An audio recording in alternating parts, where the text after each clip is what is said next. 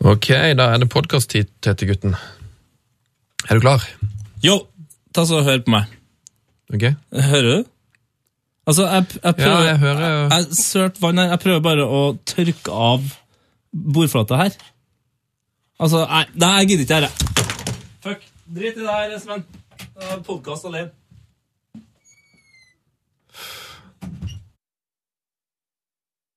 Michael. Han har nummer 13 på ryggen. Han går på skudd! Hjelp, for et mål! Det er over! Det er finito! Det er klart! Vi er ferdig! Pang! Heia fotball med Tete Lidbom og Sven Biskår Sunde. Heia fotball! Heia fotball! Hva gjør du for noe, Tete-gutten? Fyrer du opp motorsaga? Ja, fyrer opp motorsaga. Vært på hytta, vet du. Hæ? Kjørte motorsag. Kjørte du motorsag på hytta? Nei, jeg fikk ikke lov, eh, eller jeg rakk ikke, for eh, skjea, røyk. Er det sant? Ja, det, det er det jeg kan fortelle. Heia fotball, forresten. Heia fotball. Jeg hørte, jeg forresten jeg må ta en motorsaghistorie. Hørte en grusom historie i går om en fyr som hadde tatt av kjedet på motorsaga, yep. gått inn i stua, dratt i gang motorsaga. Du snakker om eh, kompisen til faren til dama mi. Det er utrolig dårlig gjort, altså. Og det er dårlig gjort! Hvis du, hvis du er irritert på en kompis, så kan du gjøre det. Nei. Men da må du være ordentlig irritert. Da må altså. du være skikkelig forforbanna. Ja, Fordi da blir det pessing og grining og det som er. Bra fotballuke for TT-gutten. Ja, jeg vil påstå det, annet enn at jeg da var på den der hytteturen, så fikk jeg, jeg fikk ikke sett så mye eh, greier, men jeg kom hjem og brukte uka på å egentlig hive meg etter eh, og se litt eh, kamper. Ja. Det var en eh, tung midtuke for alle som er glad i Manchester United og ja, Arsenal og ja, de fleste lag, egentlig. Eh, Ligacupen eh, sa det jo til mange gode Premier League-lag. Eh, men har du, eh, det som jeg lurer litt på, for nå har italiensk fotball begynt å gå på, på boksen igjen. Har du, har du fått sett noe Milan i det siste? Eh, nei, jeg har faktisk akkurat den siste uka så har jeg sett mindre enn jeg gjorde før. Men altså, Donnarumma har spilt. Ja! 16 år gamle Donnarumma. Så nydelig. En ny Buffon, eller? Ja, det ser jo fort sånn ut. Han er jo nesten for høy da, eh, til å være en god fotballspiller. Han er jo en to-tre meter. Ja, Kanskje han er for høy for å, være, for å bli skikkelig Men skikkelig, han skikkelig er 16 år og har nå utkonkurrert uh, Lopez, så det er ganske ryddig. Milan gjør det litt bedre, og Serie A er nå så spennende uh, som det bare kan bli. Så uh, hvis du har mulighet, se Serie A. Eh, Noe annet som er spennende, det er at det er Norge-Ungarn eh, 12. november. Riktig. Og vi skal der! Vi skal dit! Vi skal på Ullevål. Det blir så gøy. Utsolgt Ullevål. Jeg gleder meg som et barn. Og vi skal altså ta med oss uh, ingen ringere enn Tuva Fellmann, som vi prøver å få til å bli uh, fotballfan. Fra, altså Tuva fra Hallo P3, og ikke minst Juntafil. Yes, Hun skal på sin første uh, fotballkamp på stadion. Det blir nydelig! Og så skal vi òg på cupfinaler, så det er mye å glede seg til. Riktig, og på cupfinalen der blir det noe greier. Og dagens gjest møtte vi på cupfinalen i fjor. Det er helt sant. Åh, herlig fred. Eh, skal vi ta imot dagens gjester, kanskje? Oh yes! Oh, yes! Heia fotball. Heia fotball. Yes! Oh, yes! Heia fotball! Ukas gjest, uh, Tete-gutten. Det spiller. Det, er altså en, altså, det, gikk, det gikk opp for meg da jeg satt og forberedte dagens lille prat, at han har, har en av de feteste norske fotballkarrierene. Punktum. Eh, han har vunnet serien i Sverige, han har spilt for en tyrkisk gigantklubb. Eh, han har vært en del av de treserne, og det fortsetter. Han har banka inn mål i skotsk fotball, gitt ut flere fotballromaner, jobba som fotballekspert, vært fotballtrener, fått, fått sparken som fotballtrener, avgjort cupfinale og spilt under Hareide Daum Drillo. Og Klopp! Eh, Arild Stavrum. Velkommen til oss. Takk for det. takk for Det det. hørtes ut som det var Eminem som ga deg introen eh, på slutten. her, Så det, der må du rappe mye for å få med alt. altså. Jeg, jeg måtte snakke på mitt aller uh, høyeste tempo der.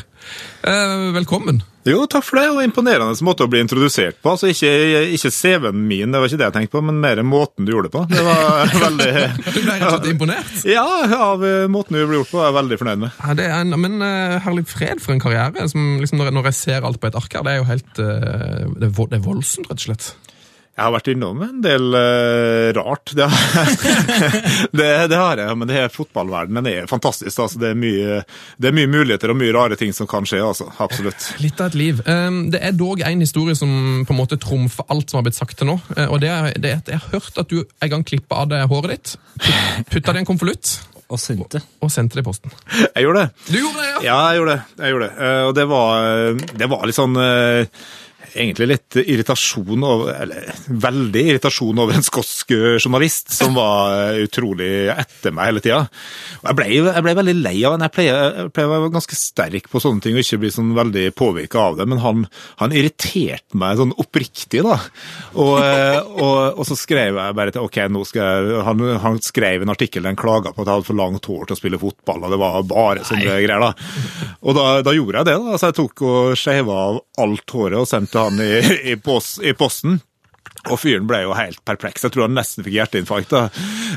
og, eh, og det ble ganske mye styr ut av det her, da. Men etter hvert så tok han det veldig humoristisk, og, og det ble en stor sak av det i, i skotsk presse. Men det var, det var Jeg tror ikke det var helt vanlig reaksjon i, i Skottland. Nei, men, det, men det er jo kjempehumor, da. Eh, Og du gjorde jo det han ville. Du klippet jo deg. Jeg gjorde jo det. jeg gjorde det. Altså, nå er jeg lei av å høre av det, og så bare putta jeg i konvolutten og sendte det til henne. og det var, det var ganske kult. Det, det var det. Ja. Det er mye vi må snakke med, da. det er mye vi skal gjennom. Men la oss først snakke om Jürgen Klopp. Ja. Du, er, du, er du den eneste nordmannen som har blitt trent av han? Jo, men jeg ble, altså, det, er- det er jo ganske sånn tynn historie å påstå at jeg ble trent av Jørgen Klopp. Jeg var, jeg var der en veldig kort periode da, med, eh, med han, for at jeg hadde et sånt opphold i, i Tyskland som egentlig gikk, eh, gikk ad dundas eh, ganske fort. Og der var Klopp eh, trener. Så jeg har ikke noe sånn Jeg vil ikke påstå at jeg har noe sånn inngående kjennskap til Klopp, altså. Men eh, jeg har jo møtt han og, og trent litt grann under han. Du hadde han i Mainz. Du har jo møtt eh, og det, altså det er mer enn nok det for Liverpool-supporterne som hører på den podkasten her. Så førsteinntrykket, altså er han så vill som alle vil ha det til? Han var mye yngre, da. Altså, han var mye yngre, mye roligere når jeg, når jeg møtte han. Men de hadde jo ansatt han i Mainz direkte etter, etter spillekarriere, fordi at de, de så at han var veldig talentfull som, eh, som manager. Og og du ser jo det, altså Måten han har gjort det etterpå, er jo, er jo veldig spesiell. da, for Han har, han har stått for en veldig sånn spesiell fotball hele tida. Men eh, jeg fikk, sånn, jeg fikk ikke noen erfaring av det der i de, den korte tida jeg hadde med. altså. Nei. Vi får ikke noe mer. Du, jeg, hører du, jeg kan høre at du pusler med en penn i bakgrunnen. der. Skriver du på en ny bok? As we speak? Eh, Du hører så godt, ja? Jeg, Jeg, jeg hører faktisk, høres ut som blyant, faktisk. Du, jeg, jeg fikk i oppdrag vet, å sette opp et uh, drømmelag. Du, så, det, så jeg måtte liksom bare pynte litt på det nå mens jeg hadde foran meg her. Men uh, jeg skal la være å gjøre det nå. Men, ja, men du, fordi du har altså skrevet no- noen bøker. Du, jeg har skrevet Det er blitt seks bøker etter hvert. Altså, For en fotballspiller å være, med tanke på at ikke Det er ingen av dem her som handler om deg sjøl? Det? Altså, det er ingen Nei. biografier? Nei, det er det ikke. Seks bøker? Ja, så det er blitt litt Ja, det er blitt noen sider etter hvert. Den, den, heter, den heter vel 31 år på gress. Den, eh, en av de første her. Det er debutromanen min. Eh, Og den, den var det vel mange som spekulerte i at det var litt sånn selvbiografisk. Jo, eh, og jeg tror Altså, det er jo mye selvbiografisk i alt den skriver, da. Sånn, mm. det, det, det, det er umulig å komme ut av det. Eh, Og helt klart at det er trekk i hovedpersonen og sånn som er fra som er tatt fra meg, fra meg sjøl, men det er, det er veldig mange trekk som ikke er tatt fra meg sjøl. Så det er, liksom, det er en sånn sammensatt person med, med galskap som uh, kanskje drar noen sider av meg enda lenger, da. Så det er det sånn, er men er det et sammensurium av på en måte historie fra, fra karrieren din? Så det, mange av historiene som er i boka, er ting som har skjedd med medspillere eller motspillere og sånne ting? Ja, altså, Mye av det er inspirert, men, eh, inspirert av virkeligheten. Men det, men det jeg hadde lyst til å gjøre der, det var å skrive et, eh, et portrett av en fotballspiller. Og, og skrive litt om uh, hvordan, altså, hvordan det kan skje da, at en spiller spiller veldig godt ei uke, og så elendig neste uke. Og alt som da kan komme i veien egentlig der, som gjør at altså, livet kommer ofte i veien for fotballen. Da, og, og, og gjør, at, ja, gjør at det varierer veldig hvordan folk presterer. Og da er det masse som vi som nå bare ser på fotball, ikke vet av personlige problem og alt mulig som kan, kan komme i veien. da. Så det, det her er jo, kan vi jo på en måte ta til bruk nå, spesielt kanskje i Chelsea og for Wayne Rooney, sånn som underpresterer. Tror du at det kan være noe, kanskje mest i Chelsea, da, at det er liksom et eller annet som, som gnisser i bakgrunnen, som gjør at de plutselig har blitt et såpass mye dårligere lag? Ja, det er jo ikke, det er jo ikke stor forskjell. Og, og det er liksom, at John Terry da skal bli eldgammel på et par måneder, liksom, det, det, er veldig, det er veldig rart, for det er jo ikke sånn som skjer. Og, og eh, det, det, er mekanismer man ikke helt har kontroll på når man ikke er helt inne i, i laget. Men det er typisk. Altså, her, her har det skjedd masse ting som gjør at de underpresterer i forhold til, til i fjor. Og, og det kan du skrive mye om på et helt lag, men jeg hadde lyst til å gå enda mer ned da på, på én enkelt spiller, hvordan det kan påvirke han. da. Ja, for der, altså, eh, der har du jo John Terry. I fjor så var det jo folk som sa før sesongen at det, det som har skjedd nå, skulle skje, men så viste det seg at han plutselig var dritgod i fjor. Så da var det, det akkurat samme den andre veien òg. det spiller plutselig dritbra. Men det viser seg at folk prater stort sett bare tull, vet du. Og det, og, og, og det er så utrolig deilig når folk er sånn påståelige og sier at han er for gammel, han er blitt for dårlig, og så herjer han en stund etter det. Liksom. Det, det, det er herlig å høre at folk eh, ofte tar feil. Eh, du, eh, hvis du ser på, tilbake på din egen karriere, eh, og dette med å være, være fornøyd og misfornøyd, hvor, måte, hvor var du mest misfornøyd, og hvor spilte du dårligst pga. at eh, det gikk skeis utenfor banen?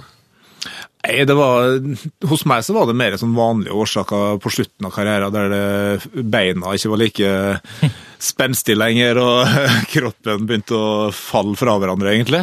Så eh, de siste par årene så, så ja, da var jeg rett og slett for gammel. Så du, Eh, mistrivdes ikke noe, så mange steder? Nei, jeg aldri, aldri. Eh, Jeg har trivdes overalt der jeg har, har bodd.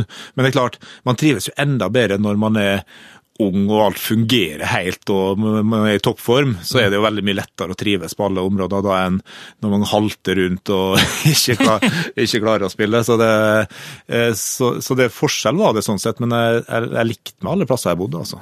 Ja, um, Hold oss litt mer til bøker. Altså, jeg må innrømme en ting, jeg er utrolig dårlig til å lese bøker, men jeg har en eh, bok ved siden av et par noen, noen musikkbøker som jeg har på liksom første mos når jeg begynner å lese igjen. Så skal jeg lese den, og det er Golden Boys, altså. Som, altså en krimroman om fotballen. Altså, det er for meg perfekt. Det høres helt perfekt ut. Så godt å høre. Eh, Og det var jo litt, eh, litt jeg hadde lyst til å prøve å kombinere eh, mine to veldig store interesser. For jeg har alltid vært eh, ordentlig glad i, i krim. Jeg har lest eh, masse, masse, masse opp gjennom oppvekst og voksen, voksen alder.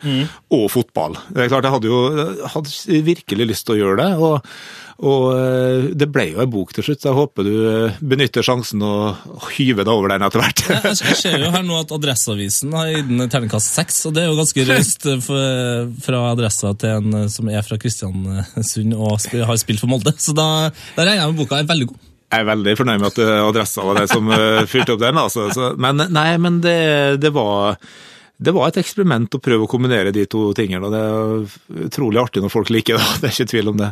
Eh, Jeg har lest eh, den boka her, og hovedkarakteren er jo en litt sånn eh, Rune Hauge, eller hva skal man si, Jim Solbakken-aktig superagent i, i en viktig rolle. Du har sikkert blitt spurt om det før, men er den boka basert på noen av de? Ja. Ja! Ja. Men, men hvem? Men hvem? Så én av dem to.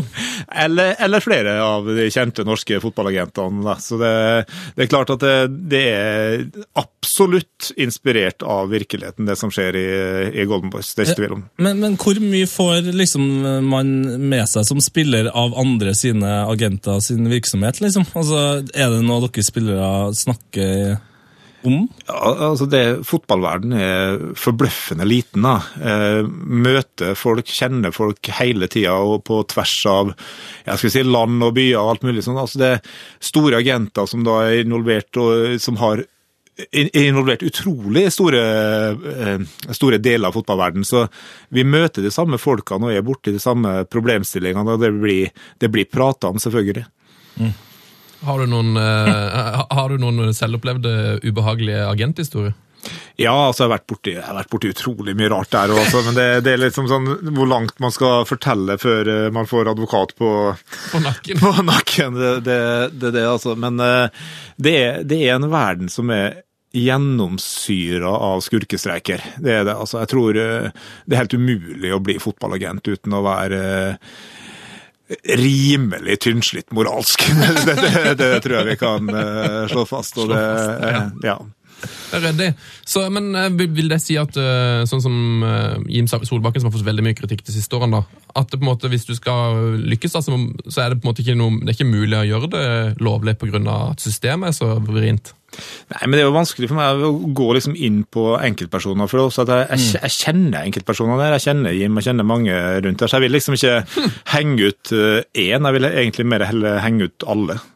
Hele gjengen. Ja, for jeg syns det har vært mye rart som har skjedd innen den der eh, verdenen der. altså. Det, det er en bransje som ikke har blitt eh, regulert. Ingen har tatt i, egentlig. De kan jo ture og holde på sånn som, eh, sånn som de vil. Det, det går jo sånn Det er mer sånn Det rykter om at det er regler i den bransjen der, men det er ingen som eh, det er ingen, Ingen som har sett noe til det. det er ingen som bryr seg. Eh, En som jo har slitt med litt med regler, det er en av dine altså du har, Vi har vært inne på en fantastisk rekke av managere du har vært under her. Mm. Og kanskje han som folk har glemt litt nå, men som kanskje var den største på et tidspunkt, det var jo rockestjernemanageren Christoph Daum, Ja, ja. som du hadde i Besiktas. Um, Han har en grei hype rundt han på 90-tallet. Ja, han er Og for en mann, altså. Jeg, altså jeg, har, jeg har sjelden møtt en person med så intens karisma som han. Du blir bare liksom, du blir sugd inn i han, og Uansett hva han sa, så var du liksom med på det. Og jeg, jeg husker første møte mitt med han, det var helt, helt legendarisk. Han, eh, han eh, kaller meg på altså, I fotballverdenen så er ikke alltid alt så planlagt. da. Og da jeg flytta til Tyrkia, så fikk jeg en, en halv time å bestemme meg på. Og, og jeg skrev under kontrakt uten å ha møtt eh, trener. og OK, flytta nedover, tok sjansen, liksom. På en halvtimes eh, tenkningstid. Yes, det var det. Var det. Eh, Og så var det eh, Og så første møte med Kristoff Dahm, det var inn på kontoret hans. Og så går jeg inn der, og så skjeller han meg huden full. Jeg, jeg tar den i handa og får den skyllebøtta. Og det, og det er liksom han sa liksom hvis det hadde vært opp til meg, så hadde jeg kjøpt en annen spiller. Og så Nei. nevnte han en ganske kjent, eh, en kjent eh, kroatisk spiller. Eh, Du var ikke på min liste, jeg aner ikke hva som har skjedd, og det her er ikke bra. Og han bare, og han bare fortsetter å bare skjelle meg ut. Eh, og jeg står jo ganske her, jeg har flytta til en ny klubb og alt mulig sånt, og så tenker jeg, er det som skjer? Ja, og du kan bare gå. Og så, bare send, og så sender han meg ut av kontoret. Og så kommer jeg på trening dagen etterpå. Litt uh, for skremt. Liten selvtillitsknekk eller? ja. Og så sier han, sier han til meg at ok, i løpet av to måneder så skal jeg ha deg på landslaget. Det, det, det, det er det neste. Så han bare han høvler over meg til å begynne med, og så begynner han å bygge meg opp etterpå. Og vi hadde et fantastisk forhold eh, etter det. Jeg likte han som bare det. Og eh, han var, han var helt elektrisk bra som trener, altså, rett og slett. Men uh, han brukte jo alle virkemidler i boka, da. Absolutt. Han, det er jo en sånn, eh, prøvde å finne ut litt om, Han har jo fått en kokainanklage her, og et, Ja. til slutt en kokaindom. Ja, ja. Uh, og der, hvis jeg har forstått det riktig, så ble han anklaget for å ha brukt kokain. Så sa han nei, det har jeg ikke gjort. Uh, dere kan få ta hår, hårprøver med. Det kommer til å bevise at det er clean. Og så bare, ja, det er greit, jeg tar min hårprøve. Hårprøven viser at han har tatt kokain. Det er ikke mitt hår. Det er ikke mitt hår. Nei, men han eh, Ja, ja. Og så innrømte han det til slutt, da. Ja, altså, da sto han plutselig eh, beinhardt på det. Ja, ja, det er greit. Men, han, men han var, var han en sånn rockestjerne Var det sånn rockestjernefeber større enn klubben, trener? Ja, altså han, eh, det, var jo alt, det var jo veldig mye snakk om det. Han fikk jo, han fikk jo fyken på det tyske landslaget pga. den uh, saken der. Og han var jo da ansatt i, uh, i Besiktas pga. det. Altså at han fikk, at han fikk sparken i, i, i Tyskland, i. Tyskland så, ja. så kunne han ta over. I, og I Tyrkia så var jo ingen som brydde seg om det her var sant eller ikke. Men, men han, han måtte da reise opp til, til Tyskland i rettssak en gang i uka, så vi merka jo at han var, at han var borte i perioder. Men utover det, liksom altså, Ja, han, nok, han gjorde nok ting han ikke skulle ha gjort, der, sånn som det virker. men men for en, for en trener likevel, altså. For en, for en fyr og for, en, Ja, det var liksom ufattelig kult å spille under han. Altså. Han, var, han var flink, rett og slett. Og så var han veldig glad i Harry Potter. Det var han òg, vet du. Men det, det tenker jeg, den historien jeg fortalte i sted, da, at han skjelte meg ut å begynne med. Og sånn var han ofte, da. Og så kom han liksom sånn sint til meg etter en kamp, da, og, og satte seg ned ved siden av meg i bussen. Og bare begynte å spørre hva jeg leste på. Ja, du forventer liksom at nå kommer det regler, så ja, hva, hva leste du på? Og så sa jeg et eller annet, jeg husker ikke hva det var, men noe annet. Og så sier han ja, du bør lese Harry Potter. og så er det klart, med den intense mannen intense, Da var de bøkene ganske nye, og det er jo ungdomsbøker. Jeg hadde ikke tenkt å lese de da. Men jeg gikk jo rett på eh, bokhandel og kjøpte Harry Potter. sant? Det var jo. Jeg torde jo ikke noe annet. Så, så han, var, han var bare en skrue, altså. Rett og slett. det er en utrolig fin tanke å tenke på liksom rockestjernetreneren, og så heit som han var der. Bare sånn Når han skulle trekke seg litt rolig tilbake, kanskje etter en fest, lest Harry Potter på scenen. Ja, det, er- det er vakkert. Det er det. Veldig fint.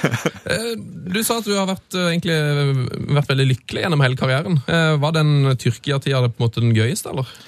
Der, der skjedde nok mest altså sånn av, av galskap. og altså Det var utrolig interessant å spille der. da, og ja, det var, det var nær 30 000 på hver hjemmekamp eh, som var helt ville hver gang. Så, så stemninga sånn var så, så bra. Tyrkisk fotball var veldig bra. da, så De tok eh, bronse i VM eh, samme år. Mm. Så det var, det var veldig mye Det var veldig gøy å, å spille, rett og slett. Men der var min opplevelse var egentlig sånn todelt. da, for Det gikk kjempebra frem til jul, og så ble jeg skada. Og da var egentlig karrieren min på topplan over da, av det. Så, så første halvår var fantastisk, og andre halvår så gikk jeg bare og prøvde å bli frisk igjen, egentlig. Hvem var det som var den største stjerna på det laget, bortsett fra Arild Stavrum og ja, Thomas Myhre var vel der kanskje på den tida? Ja, det, det, var, det var to tyrkiske spillere som var i særklasse beste spillerne. Og det var en som heter Ilan Mansis, som ble, som ble toppskårer i Tyrkia og skåra tre mål i VM. og Han var helt fantastisk god det året der. Eh, og så var det en som het Nihat Kavesi, som gikk til oh, Nihat! Ja, ja, ja, som skåra mot Norge, blant annet. Han gikk til, han gikk til spansk fotball og ble nesten toppskårer i Spania. og han var, de, to var, de to var virkelig gode. Gammel footballmanager-legende Ja, Nihat. men altså, Ilan Mansis, har ikke han Han har vært med i Skal vi danse. Jeg tror det faktisk er isdans eller noe sånt. Ja, Åh, Det er ja. samme som Lee Sharp har vært med i England. Jeg tror, og jeg tror til og med Ilan vant. Eh, Så det, jeg husker at han ble eh, Ja. Ja, det sier litt, for det, Hvis man går inn på Wikipedia-sida til Ilan Mansis, så er det et bilde som lett kunne ha vært liksom klippet ut fra et sånn boyband-aktig fotograf, og det, eh, fotografi, og det tror jeg faktisk er fra den der Skal vi isdanse. Eh, Det er verdt en liten tur på Google og sjekke ut eh, Ilan Mansis. Eh, Kan du fortelle oss noe eh, morsomt om Ilan Mansis som ikke står på Wikipedia? Nei, Han var jo litt sånn boyband-stjerne. altså. Han var helt klart det. Han var modell for Armani samtidig. og Han, eh, han, var, altså, han, han, ville ikke, han ville ikke eh, trene vekter uten å ha på seg hansker, for det kunne ødelegge huden på fingrene. Oh, ja. og liksom så. Jo, jo, jo, men, men så, så er han sånn, da, og så går han ut på banen, og så er han klin gæren og blodtøff. Og, og en helt fantastisk fotballspiller. da. Så jeg påstår at akkurat det året så var han i, ja, altså, i ypperste, ypperste europaklasse. Eh, Men ble, men ble også da skada og fikk ikke helt liksom samme karriere som, som Niat fikk etter hvert, da, for eksempel. Ilan Mansis, altså. Illa Mansis er legende. Legende. Så det skjer, skjer Google-bilder av ham nå. Han har verdens største ørn eh, tatovert eh, på overkroppen. En ørn! Ja, En veldig svær ørn. Så her skal det googles. Eh, Jeg hører at han, har, at han på en måte har satsa på noen annen idrettskarriere etter han la opp. At han eh, Jeg har lest at han skulle prøve seg å komme seg til OL i en annen OL-gren eller noe sånt. Eh? Ja, hva var det igjen? Ja, hva var det? Ja, Det får vi komme tilbake til. Ja, jeg skal prøve å se om jeg finner ut det her. Eh, Er det noe er det noe mer fra Tyrkia som bør, nevnes? Nei, det er bare altså, eh, altså Jeg tror at folk som som gjennom hele livet bare velger å dra til England på fotballtur, og som er veldig interessert i fotball, de har misforstått litt. Jeg tror de en av de hundre fotballturene de, de legger til Liverpool, Manchester og London og alt det der, heller bør bytte ut med et Istanbul-derby. Da tror jeg de opplever noe mer enn å bare synge 'You Never Walk Alone' og alt det litt kjedelige der. Vi har, vi har lyttere nede på, i åtte-niårsalderen her. Eh, Vil det føles trygt, tror du, å reise der når du er ni-ti år? Nei. Nei! Jeg vil, jeg, vil, jeg vil anbefale å være litt eldre, altså. Det vil jeg. Eh, Men, men si en sånn type gjeng som drar til Manchester og har jobb, og ja, litt voksne folk da, som eh, har lyst til å oppleve noe som litt spennende, så har jeg heller dratt og sett Fenebache Fenerbahçe, Galatasaray eller besiktes mot en av de to andre. Det, det, det er veldig spesielt. Til alle dere som hører på, han skriver altså krimromaner, han som anbefaler der. jeg, vil bare, jeg vil bare si det. Og sett gjerne en aldersgrense på, på turen. Ja, gjør det. Eh, han, eh, han, det var faktisk, han fikk eh, smaken for skøyter, han altså. Så det er figureskating han eh, gikk for. Nei, er det det?! Par-delen av det òg, så det er Fantastisk. enda mer å google på han. Altså. Det, det er en, en bildeserie uten like. Jeg Driver du med noe idrett for tida, Arild Stavrum? Tenk hvis jeg nå hadde sagt at jeg òg drev med kunstløft. Da hadde vært veldig Da hadde det klikka for meg. Da hadde det gått i svart her, tror jeg. Ja, At du hadde spart enda lengre hår, og at det er du som er dama til Ivan Hansis ute på isen der. Ja, nei, jeg tror Altså, jeg spiller, jeg spiller allboys-fotball en gang i uka. Det er vel det mm, Ellers så tror jeg det nærmeste jeg kommer ellers, er shuffleboard innimellom. Ah, Shuffleboard. Den spiller vi mye òg. Ja, eller TT-spillet. Jeg prøver å spille. Jeg kaster den mye ned i renna på sida. Du har dine øyeblikk. Nei, det har jeg ikke. Må du bare være litt tette. Fryktelig dårlig. Eh, Hareide, Daum, Drillo, Klopp. Eh, virker som Daum er en favoritt her. Hvem, hvem kommer på andreplass? Nei, altså, altså den jeg hadde mest Altså, jeg hadde jo Åge Hareide i fem år, Ja. og, og det var den tida i karrieren min det gikk best. Så sånn Favorittida mi er nok er likevel under Åge, altså. Jeg hadde trente jo han under han i Molde med sammen med Ole Gunnar og, og den biten der. Og da syns jeg, Ja, da synes jeg Åge var, var fabelaktig som trener, han òg. Altså. Veldig Og litt det samme måten å være på som, eh, som Daum, minus det kokainstyret. så, så, så var Åge også veldig sånn intens og, og flink til å motivere. Jeg synes han, eh, han kunne virkelig trykke på riktige knapper når du skulle ut og spille fotball. Altså. Og han hadde vel alltid som mål egentlig å få meg litt sint. Det var, og det, og det, ja, ja, og det, og det funka, liksom. Og det, jeg kanskje trengte det i perioder. Han var veldig flink å finne sånn med, med spillere, altså. Hvordan fikk han det sint, da? Nei, det var bare å irritere, egentlig. Nei, men altså, han, han var veldig flink til, til små grep hele veien. Altså, og det jeg også syns han var flink til, var å, å klare å kombinere et lag. For han hadde, han hadde ikke mye ressurser der han kjørte eh, Molde opp fra førstedivisjon og, og nesten tok Rosenborg i 95. Så, var, så var det ganske små ressurser ute og gikk, altså.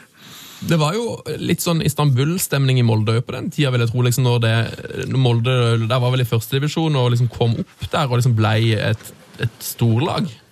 Ja, for Molde hadde, vært, Molde hadde jo vært et bra lag, men da var du tilbake på midten av 80-tallet, og så var du på 70-tallet før det. Så det var, var på vei ned noen år hele tida. Og, og da kom det jo da det laget som var ganske ungt og, og, ja, og fremadstormende, som han eh, han var veldig riktig trener for, for da, altså. Så nei, altså, Åge var var ordentlig ordentlig flink, og jeg syns også det viser seg. altså Han, han vinner jo kamper overalt, egentlig. Og, og, og spesielt det han har gjort nå i, i Malmö, og det han gjorde også i Helsingborg. eh, med å vinne, Jeg var med der og vant serien sammen og cupen der. Det var jo eh, veldig, veldig bra lederskap, det han gjorde der, altså. Eh, Bare, det er jo en, en eh, legende som fortsatt spiller på Molde. Eh, Var Daniel Berg Hestad fortsatt gammel når du spilte med ham? Nei, nei, nei. nei. Han er, han er, det er jo litt sånn trist da, vet du, at han er eldgammel, og så er jeg fremdeles tre år eldre enn han. Sånn- Men vi spilte, vi spilte sammen i, i Molde, det gjør vi. Så Spilte han seg inn på laget mens du var der? Nei, han var Altså, Daniel var var vel da Hvor gammel var han? Han var 19 år.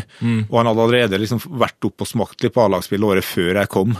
Så han, han var inne i Asdalen og spilte stort sett fast, han da, altså. Så rått. Så den, den Hestad-slekta der eh, Hva er det med den Altså, er det Moldes Flo-slekt? Det er gode, gode gener, da. Hvis du har eh, Daniel har flest kamper for Molde og faren har nest mest, så er det, det er bra gener. Så har vi noen onkler og sånn som ligger på topplista der òg, så det, ja da, det, det er bra gener ute og går i den familien der. Den er litt sånn glemt i forhold til Flo-slekta. At, For de må jo ha flere tusen kamper på aller høyeste nivå. Ja, Daniel har jo flere tusen. så, de, har, ja, de har mye kamper, det har de. Jeg Sist jeg sjekka, så har Daniel spilt 50 000 tippeligaer. Tror du han, eh, Hvor lenge kommer han til å holde på? Jeg, jeg, håper, jeg håper at han gir seg den dagen han blir skada. Altså, ikke alvorlig skada, men at, at ikke kroppen helt tåler mer. Ja. At, den ikke, at den ikke gir seg fordi at den føler han må. For Sånn som jeg ser han eh, nå og ser han i europacupkamper, sånn, så har han jo, han jo ingen problemer med å holde nivået. Så eh, jeg skulle ønske at han ble testa og se hvor langt han faktisk kunne holdt på, da. Men det, det får bli litt opp til han. Ja, det må han få lov til å bestemme selv. han, La oss eh, håpe han klarer et par-tre år til, da. Ja, ja, jeg mener at det Jeg håper han eh, går for noe sånt. Når du leverer såpass mot Celtic, så, så, så syns jeg det. Hva husker du best fra Molde-tida? Er det et mål? En kamp? Et øyeblikk? Ja, altså, Var med og vant cupfinalen i 94, da. Var med og vant, ja. Ja, og Jo da, men det var, det var en utrolig intens eh, kamp, og det var helt sånn spesielt. Altså, da var jeg 22 år, og, og vinner da cupfinale og er med på altså den festen og alt det der etterpå. Og så tenker du egentlig at ja, det her er jo sånn som Men så skjer ikke det flere ganger. Eh, Det var den eneste cupfinalen jeg har spilt i, i Norge. Ja, Du tenkte at eh, du kanskje kunne oppleve det en gang til? på en måte? Ja, man tenker det da man er der. Liksom, man, man, man, man er så oppi det. Det er om å vinne kampen. det er liksom Man forbereder seg som vanlig, og så får man ikke alltid med seg hvor, hvor stort det faktisk er. da. Nei. Og så vant vi cupen, og så var jeg liksom, ja, jeg er kjempefornøyd med det der og da. og så og så, ja, så blir det som sagt ikke flere cupfinaler. Det er litt sånn rart å tenke på i ettertid. Man skulle jo gjerne gått tilbake og opplevd det på, på nytt, men jeg tror, jeg tror det, er, det, er jo helt annerledes når du står oppi ting. Da Da er det liksom da er det ikke det med at det er cupfinale og alt det mulige der, men det, det er mer at da skal vi ut og slå Lyn. Det er det som teller, liksom. Vi, vi skal vinne den kampen. Og så hilser han jo på kongen og alt her, og så tenker, tenk han, tenker tenk etterpå at ja, jo, det var noe spesielt likevel. Og for øvrig en av de kuleste cupfinalemålfeiringene du begikk Å der. ja. Ja, det kom eh, Spontant, eller? Det kom veldig spontant. Eh, Det var, det var litt sånn eh, Jeg sprang gjennom og skåra målet, og så kom gjerdet veldig fort. Og da måtte jeg bare hoppe, og så plutselig var jeg oppe i Ja, begynte jeg å klatre på gjerdet òg. Så det var veldig, veldig spontant og ektefølt eh, der og da. Ja, Ja. Nesten litt sånn unorskt. Det, det ser så utrolig intenst ut. Ja, nei, altså det, det, det er en intens opplevelse å skåre i en cupfinale. da. Så eh, det var bare Men igjen, det var ikke noe, det var ikke noe planlagt. Det, var, det kom bare der og da, altså. Rett og slett. Du sa at eh, Åge Hareide var den, eh, den du hadde trent under hvor det hadde gått best. Ja. Men du hadde vel ikke han i Aberdeen? Nei, det hadde jeg ikke. Og der, der må man jo si at der gikk det jo ganske bra. Det gikk kjempebra, og, det, og, og, og litt, litt hvor liten fotballverden er, da, så er det jo typisk da at jeg går fra Helsingborg til Aberdeen. Eh, Åge Hareide går til Brøndby. Treneren til Brøndby går fra Brøndby til Aberdeen. og, og så går jeg etterpå til eh, Besiktas, og da kommer det en keeper fra Brøndby til Besiktas, og han går fra Besiktas til Aberdeen. Så, så hvis du hang med på det, så er det ganske sånn Altså, det er utrolig rare kanaler og små eh, verden her, og med en gang agentene hadde oppretta litt nettverk, så var det lettere da å flytte spillere og trenere og sånn mellom de klubbene her, da. Ja, for det blir vel litt sånn at agentene ruter de samme spillerne gjennom de samme klubbene ofte. Det ser man jo Ja, og det er jo spesielt i dag. Og det er, jo, det, det er greit nok på en del områder, for det handler ofte om uh, bekjentskap på den biten her, da. Så det, det, men det var Ja, så handler det om eh, at det er jo et system altså, de, eh, altså de, Hvis du vil bli liksom verdens best betalte spiller, så må du jo inn og ha liksom de to-tre største agentene som liksom styrer, styrer den bransjen. da. Men du får mye Men du får og oppi det verdenet så får du mye rare overganger òg. Du får mye overganger. altså Du får spillere som Mourinho har henta til Chelsea, som tenker at det er ikke verdens beste. Han kunne ha henta bedre spillere der, liksom. Ja, Det var en midtstopper der som jeg ikke husker navnet på nå, eksempel som Det er noe, det er jo noen ganske tunge beskyldninger mot uh, BB-overgangen til United òg, om Ja. at det var en spiller United var nødt til å kjøpe fordi han var under uh, en agent som på en måte hadde James Rodriguez og liksom de store spillerne. Så hvis man ville ha Falcao på sikt, så var det kanskje lurt å kjøpe BB og s- liksom skyfle litt penger den veien da, for å holde han varm. Jo, jeg, jeg, og jeg tror nok det skjer mye mer sånn enn vi, enn vi er klar over. da, og det, det, det går jo an å tenke at kanskje kunne Chelsea henta en bedre spiss enn sånn som Falcao er nå, da. Ja. Jeg syns Falcao, Falcao var en av verdens beste for fem-seks år siden, Ja. men han er ikke det nå. Og det er veldig rart at han blir henta, f.eks. Sånn, sånne ting. Men, men det, det, det er mye rart i, i, i fotballverdenen, rett og slett. Men, men altså, en annen rar ting altså, du, du leverer jo såpass bra som du gjør da, eksempel i Aberdeen. Eh, det ble, ble liksom ikke en sånn stort landslagsopplegg rundt det heller. Altså, føler du at du liksom var god på feil tidspunkt? Altså, konkurransen om spissplass på landslaget da var jo mye hardere enn den har vært de siste årene. Det, det, er, det, er ikke, det er jo ikke tvil om. Uh, For dette var 2000-2001, noe sånt? Ja, slutten av 90-tallet og overgangen til 2000 her, så var det fryktelig mye gode spisser i Norge. Eh, og kanskje da, det har vel aldri vært så mange gode spisser som det var akkurat i den uh, perioden der. Så sånn sett så kan det jo hende at jeg har fått eh, flere landskamper hvis, hvis, man, hvis man har forflytta seg i tid, men det er kanskje ikke det letteste å gjøre. Altså Når hovedkonkurrenten din i din egen liga er Henke Larsson, og du gjør det relativt like bra, så men på en måte så det føler jeg jo altså da, da, er du jo egentlig god nok for landslaget. Ja, jeg vil ikke si at jeg var like god som Henke Larsson. Altså det synes jeg... Men hvor mye mål skårte du da? For han, det var vel du som var nummer to på Jo da, men han, han lå et lite hav foran meg. Eh, og, og det som var med Henke Larsson da han var jo, Jeg mener at han var kanskje en av verdens aller aller beste spisser før. Han, han, gikk, han gikk til Barcelona når han var på vei ned, eh, og, og gikk inn på det og spilte hos de. Han var, han var fantastisk god i en tid her, altså. Han skårte sånn 40-45 mål hvert år han for Celtic eller noe sånt, tror jeg. Ja, ja, ja. Og, eh, jeg, spilte sammen, og det var en sånn helt fantastisk sak. Jeg husker vi spilte mot Celtic eh, borte. Og eh, treneren hos han, som da var Ebbe Skovdal, han stilte seg opp og var veldig på midtstopperen vår. da, At OK, du vet hva Hen Henke Larsson gjør, du skal stoppe han, du må ikke gi han plass til å begynne med i kampen. Og, og så går det et halvt minutt av kampen, altså, så, så, så slår Henke tunnel på midtstopperen vår og kliner den i vinken fra 25 meter. Og jeg så, jeg så bare han, han midtstopperen, han bare, han bare datt han han hadde lyst til å grave seg under, eh, under tribunen altså på Celtic Park. Og det, det ble ikke noe bedre utover den kampen. Eh, vi har hatt besøk av Ole Martin Orst her eh, før, og han sa at han under EM i år 2000 så hadde jo han jo en sånn helt syk sesong hvor han skåret 25 mål eller noe sånt i, i Belgia. Og var en, sånn- han bare kom liksom ikke inn i, i, i landslagsdiskusjonen da. Mm. Var det jo litt sånn at eh, du på en måte at det der, at du der var jo feil, feil liga? for dette man så jo på en måte mindre fotball på den hadde var liksom mindre tilgang på kamper, sånn at eh, Skottland var enda mer bortgjemt da enn det det er nå. Jeg husker, jeg husker en av de få eh, en av de, jeg, jeg var med, jeg fikk to landskamper, og så var jeg på flere samlinger ellers. Men jeg, jeg var innom noen gang. Og den ene samlinga så, så var jeg Husker jeg at jeg spilte mot, eller sammen med Tor André Flo, da. Og Tor André Flo jeg tror, jeg tror egentlig ikke de aller fleste er klar over hvor god han faktisk var. eh, altså, han eh, han hadde trening på landslaget der, som skulle ha vært uh, filma og, uh, og vist til ungdom. Altså, for det, det, er det, verste, det er det verste jeg har sett av en spiller. Han dribla liggende. Han gjorde, han, gjorde, han, gjorde, han gjorde hva han ville. Så at han at jeg var et godt stykke bak, på, bak han, eksempel, det har jeg ingen problem med å akseptere. Og så hadde jo Ole Gunnar i Manchester og Steffen i Tottenham, og du hadde masse, masse, masse gode spillere. Så det var rett og slett eh, blodtøff konkurranse. da.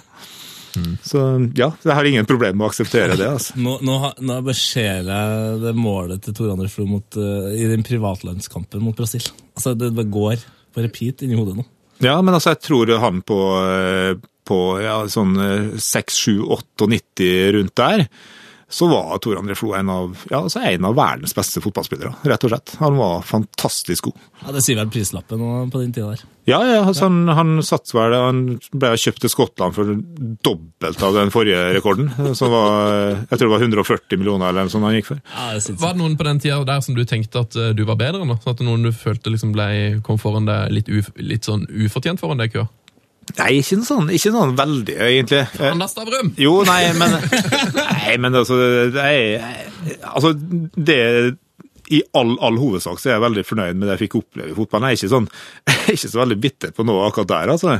Eh, Jeg skulle gjerne hatt flere landskamper, men jeg føler ikke at det var én spiller som fikk sjansen som jeg skulle hatt, eller noe sånt. Egentlig ikke. Eh, Nei. Ja, det er en ærlig sak, altså. Det er en ærlig sak. Og så var du jo en del av de tresene òg. Og det, de tresene har vi nesten aldri snakka om i denne podkasten. og det må vel egentlig Kan ikke du forklare til de litt yngre lytterne, Stavrum, hvem, hva og hvem er konseptet til de tre s-ene? Nei, jeg, jeg, jeg vet egentlig ikke hvordan det, hvordan det starta, men det var Tilfeldighetene hadde jo til at vi, var, vi spilte 4-3-3, og alle tre på topp eh, hadde et etternavn som begynte på S. Og så var det vel en journalist i jeg tror, jeg, jeg, jeg tror det var en journalist. Ja, det her, er, her, er- her krangles det litt om, men uh, en journalist i Aftenposten som heter Erlend Nesje, Han påstår at han i sin tid da i Romsdal Bustikke var den som uh, fant på det der. Og så er det andre som påstår noe annet. Hva, san hva sannheten er, det aner jeg ikke. Det sier, det sier litt om hvor gode dere er når folk vil claime Nei, men, uh, men uh, nei, jeg aner ikke helt hva som var historia der, altså. Men, men i hvert fall så var det ja, som sagt tilfeldighetene som gjorde at vi var tre stykker med en S i etternavnet. Jeg husker jo Tor Gunnar Johnsen, da, som var reserve for oss. Ja. Han, eh, han, han fikk ikke spille noe særlig. og han, Bytta navn til Johnsen. han, han hevda han skulle skifte navn til Samuelsen, eh, på, på et, på et, og det var på et TV-intervju. Jeg tror han, Journalisten har skjønt ikke hva han, prat, hva han prata om.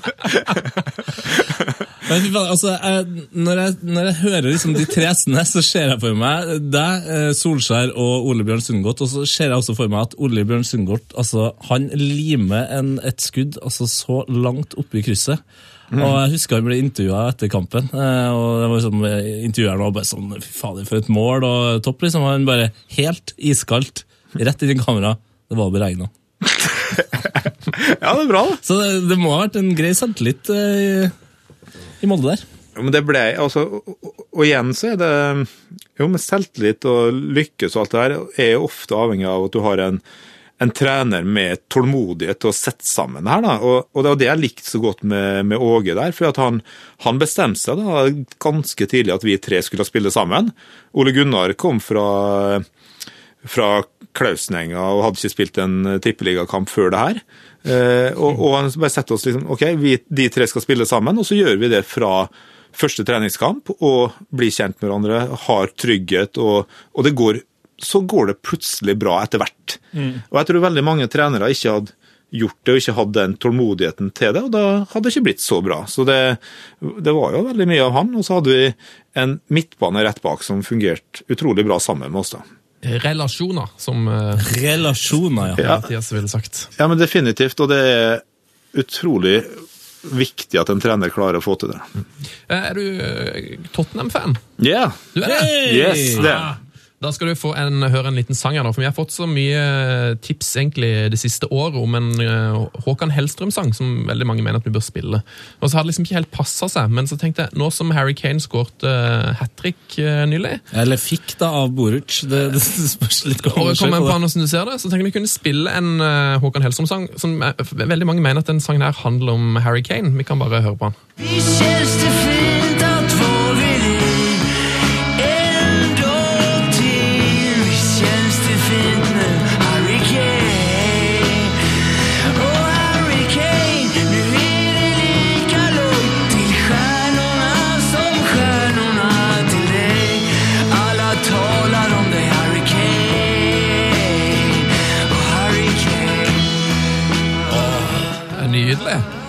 Har du hørt den før, Arild?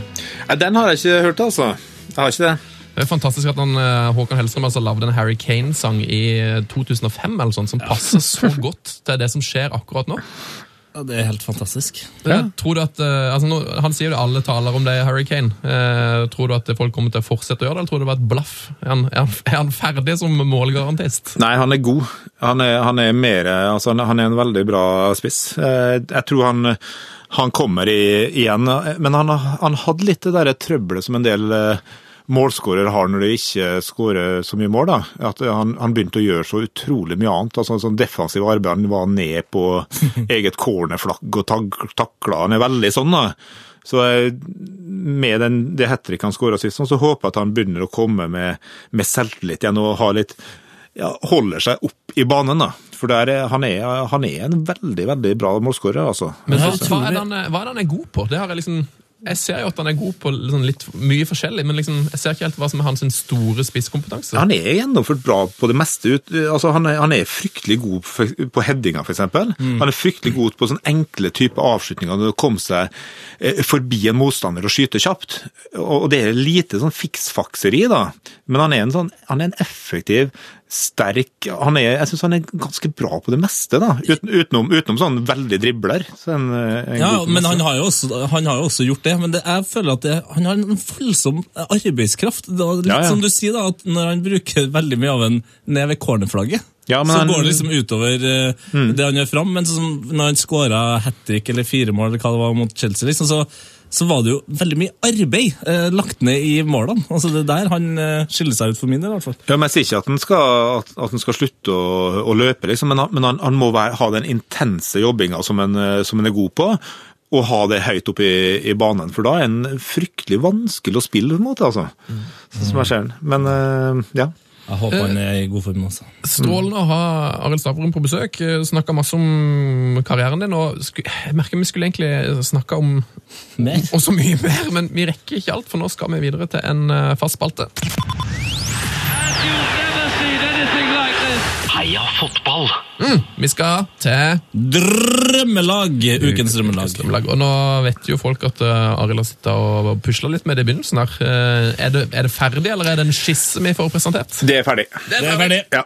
Så deilig. Hva er konseptet for ditt drømmelag? Altså, det, det her er, Jeg har en eh, veldig god venn som er, som er keepertrener, eh, og han kommer til å bli glad for det her. Fordi at eh, jeg, jeg, jeg setter opp eh, jeg setter opp laget i en 2-4-4-formasjon. Ok. Det er mye å gjøre til keeperen. Ja, nei, og, og, og, jeg husker jeg, jeg, gjorde, jeg var på trenerkurs en gang, så sa jeg at jeg, jeg, skulle vise frem en variant å spille 4-3-3 med. Og da ble jeg den irettesatt av Frode Grodås, da, som sa at hei, skal du ikke ha keeper på laget? Eh, så Han ville at systemet het 1-4-3-3, da. Ja, Men jeg velger nå å spille da 2-4-4 og da kjøre uten keeper. fordi at eh, på et, eh, på et drømmelag så kan du ikke ha med, du kan ikke ha med keepere. Det, det, er noe helt, det, det er noe helt annet de driver med. Så, så, vi, så vi, skal ha et, vi skal ha et forsvar, det skal ha et blodsterkt, brutalt, tøft forsvar. Ja. Og alt der er liksom bygd på 80-tallsspillere. Og da er det da er det Claudio Gentile Oi! som er den eh, mest brutale forsvarsspilleren jeg har sett. Altså, han, han, har, han har verdensrekorden da han har sparka ned den som var i én fotballkamp har sparka ned en spiller flest gang. Han eh, tok Maradona 23 ganger i løpet av, eh, av VM-kamp i 82. Han er helt, helt syk. Mann med det ironiske navnet. Ja, ja, det er jo et det er sånn fantastisk eh, navn. Altså, jeg har brukt han veldig mye i den der barneboka skrevet, som den liksom store, stygge ulven. altså. Ja, han, han- ser ut som den farlige høyrearma til Pablo Escobar. liksom. Altså, Ja, han, er, det, det, liksom, han er, han er den, den, den tøffeste, mest brutale, usympatiske jeg har sett på en fotballbane. I god konkurranse med han jeg vil ha ved siden av, da, som er slakteren fra Bilbao. Eh, Andoni Gorgochea, som eh, som òg nesten tok livet av Maradona i, eh, i takling. Og det også en fascinerende historie med han er at han, han, han satt den skoen som han takla Maradona i, i glassmonter i stua. Oh ja, Og det han er jeg- den typen, ja. Ja, han er ganske sånn eh, syk mann, det òg. Og så og så vil jeg jo ha en del Tottenham-spillere inn her, da. Og så derfor på midtbane så vil jeg ha en midtbane med Glenn Hoddle og Paul Gascoigne. De to må inn på den midtbanen. det er en god midtbane, altså. Men jeg vil òg ha eh, Jeg vil også ha Mikael Laudrup inn her i miksen. Jeg er litt usikker på posisjoner. Jeg tror det er veldig mye frie roller altså, til å Vandre. Eh, Det vandres mye der nå. og eh, så vil jeg òg hyve Platini inn pre eh, hans eh, nære Pre-FIFA, vennskap pre-UEFA, med ja, ja. Sepp Latter, selvfølgelig. eh, men eh, jeg må ha han eh, spesielt etter EM i 84, som var helt sykt eh, der. En umark... eh, Altså, Du kan ikke markere den midtbanen her. Nei, de, og de, Det er de, umulig. ja, de må være overalt hele tida. Og så og så har jeg et par spisser som er favorittspissene mine. Da. Det, det er Preben Elkjær eh, og Gary Lineker fra selvfølgelig Tottenham. da. Mhm. Eh, og så vil jeg ha én kantspiller. Det er Chris Waddle. Eh, Får du hodle, Waddle, det er så deilig! det, det, er liksom, det må ha de legendene fra Tottenham der. Og så er selvfølgelig Maradona en eller annen plass oppi der. altså i en mer... Ja, i, i, det blir veldig mange frie roller her, da. Jeg blir helt svimmel av å se for meg det laget her nå. Altså, Det er helt Men så, men, vertigoen. Men, men så kommer jeg til at det her blir ti. Ja. Eh, og uten keeper og alt det som jeg har tenkt med. Og så har jeg på, på lyst også å ha Marco van Basten med her, da. Så det spørs om ikke han skal på en måte stå i mål.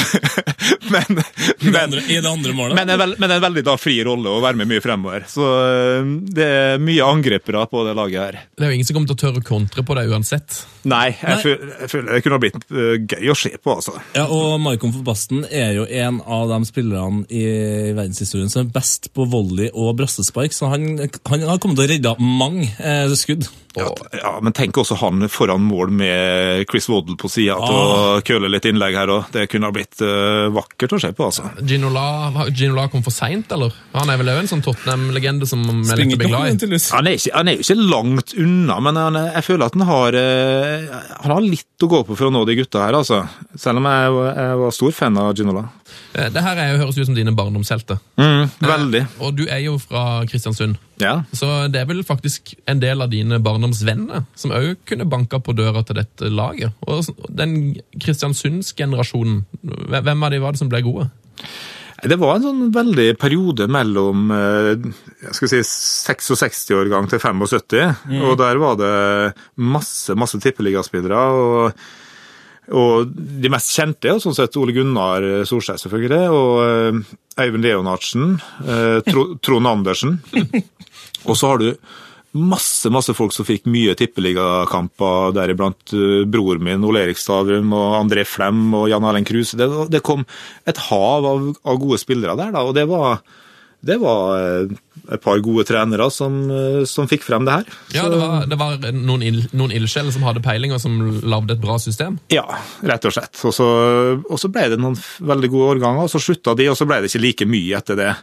Det, det ble det ikke, men det, var, det har alltid vært gode tradisjoner i Kristiansund for, for fotball, altså. Så ja. Norge får mye kritikk eh, i det siste, bortsett fra Martin Ødegaard, for at, liksom at, har, at man har feila litt på uh, talentutviklinga. Og det er sikkert mye mer organisert nå enn enn det det var når, når dere drev på. Hva, hva var det som var så riktig oppe i Kristiansund? Hva var det som var så bra? Jeg syns vi, vi hadde gode trenere. Så, var det, så er det noe med at generasjoner som da har forbilder hele tida, og har, eh, har også til å matche mot. Altså, jeg, jeg, jeg trente veldig mye mot Øyvind Leonardsen og et par andre som var på guttelandslaget da. De trente veldig mye mot de som var et par år eldre enn det. Og så kom Trond Andersen og Ole Gunnar og de som er litt yngre enn meg igjen, og trente opp mot oss igjen. Sant? Så det var, det var fryktelig mye sånn det var, kvalitet, det var god kvalitet på treningene, ja, rett og slett. Og Det det, å strekke seg etter, liksom. ja, og har du det, har du gode treninger, gode spillere som vil bli bedre, så, så blir det bra, da. Det er liksom rett og slett. Eh, Kristiansundslaget som er nå, er jo ganske bra. Ja, det kom med nå, og det, det var jo veldig spennende. Det var, jeg var intens eh, tilhenger av det mot Brann, må jeg si. Selv om jeg har spilt i Brann, så ønsker jeg tippeligafotball i Kristiansund. Det har vært veldig gøy. Eh, Og nå går det jo mot en, eh, en kvalik eh, for det, så det blir spennende, det altså. Tror du det går opp? Det har vært gøy. Det hadde vært gøy, for at Kristiansund har ikke vært i øverste divisjon siden jeg tror det er 1955 eller noe sånt, i hvert fall på 50-tallet en gang. Så det hadde vært utrolig kult med tippeliga i Kristiansund, altså. Ja, og det er sånn, Hvis vi da, som det nå ser ut som, mister Mjøndalen, så får man liksom eh, for andre år på rad et sånn eh, eh, Lokal- lokal, Nei, men lokaloppgjør, da, som ikke har vært på lenge. Altså Molde-Kristiansund. Ja, ja, ja. Det, det, det lukter Det lukter ja, brent, brent kjøtt av eh, den kampen her. Det altså. lukter sykehusstrid, syns jeg. Først og fremst. Jeg tror, jeg, jeg tror for første gang på veldig lenge at, eh, at ordet sykehus kommer til å bli nevnt ganske mange ganger i sportsreportasjene da. og, det, og det hadde vært eh, Jeg tror det kunne blitt ganske intenst og bra, ja. Du har vært trener i Molde, blant annet. Eh, har, du, har du liksom lagt trenerkarrieren på hylla, eller eh, trener du lag fortsatt? Jeg, jeg, jeg trener jo en del. Altså, jeg, jeg jobber litt på, på skole og på fotballinja og har, noe, har en del trening der. Jeg trener laget til, jeg må trene laget til sønnen min, og så er jeg med å trene tre- kretslag. Så, jeg, så jeg, jeg, jobber litt, jeg jobber litt med det, men eh, jeg har ikke noe hovedansvar for noe, for noe lag nå, og det, det er litt at da kan jeg ikke skrive. Da går det så mye tid til det at jeg får ikke tid til å skrive. og Jeg har, jeg har litt sånn lyst til å fortsette, for at det har blitt som jeg sa, det har blitt seks bøker nå. og, og det, er, det er veldig kult da, veldig kult akkurat nå på sånn skoleturné å snakke om bøker, og jeg, jeg trives veldig godt med det òg. Så foreløpig så holder jeg meg til det. Så pen, pennen trumfer trenerfløyta, hvis det er et ord. Ja, det Pennen er mektigere enn trenerfløyta. Det er. Det blir overskrifta, Arild. Jeg håper du syns det er greit. Ja, ja, ja. Jo, absolutt. Det, det funker, det, altså. Men, eh, men eh, nei, altså, jeg, jeg savner jeg savner litt det intense rundt eh, kamper, for det, det, liksom, det har jeg levd med hele livet og syns er veldig, veldig gøy, da. Men eh, det er også litt vanskelig som sagt, å kombinere det med skriving. da. Det virka ikke så sånn som når, man får Når det ble slutt i Molde, f.eks. Mm. Akkurat det virker jo ikke så gøy. Det er kanskje ikke det man savner mest. sånn. Åssen er det å være eh, trener i sånn, sånne tider? Nei, det er, ikke, altså, det er jo ikke kjempegøy å få sparken. Det regner jeg med, at folk skjønner. Men, eh, men, eh, men, men det er en del av det. Og, og, og det, er sånn, det, det kommer jo ikke sånn noe kjempesjokk da, i og med at du har tapt en del kamper rett i forkant der. Så er det, litt forberedt eh, på det. Men, men det er jo sånn prøver sitt, eh, sitt beste, og så ting funker ikke. Det er jo en frustrerende situasjon, selvfølgelig. Men eh, sånn, sånn er liksom fotballen. da. Men er forholdet til klubben fortsatt godt? Ja, absolutt. Jeg har ingen problemer med, med det. Jeg syns de to jeg vil si de to som ga meg sparken, har et veldig godt eh, forhold til den dag i dag. Så jeg, jeg har ikke noe bitterhet eller noe problem med det. Gjort, Da legger vi den eh, død, og så stikker vi videre i dette eh, lille showet som heter Heia fotball. Heia fotball! Heia fotball! Ja, det suser av gårde, dette nydelige Ryddige programmet. Ja, det er altså så koselig å ha podkast med det, tetefar. I like måte eh, Sven eh, bestefar. uh, nå er det sånn at vi har gitt Arild Stavrum en liten pause. Kan ta seg, ta seg et glass vann. Det må vannes. Det må vannes. Kom. Det er jo ikke bare gulv på Chateau Neuf som skal vannes i dag. Men Eller kan, i går. det er sant. Eh, vi kan jo ta litt eh, nyheter. News Litt of grann the week! Nyheter. Eh, har jo skjedd litt grann der. Eh, Robin van Persie er et rasshøl.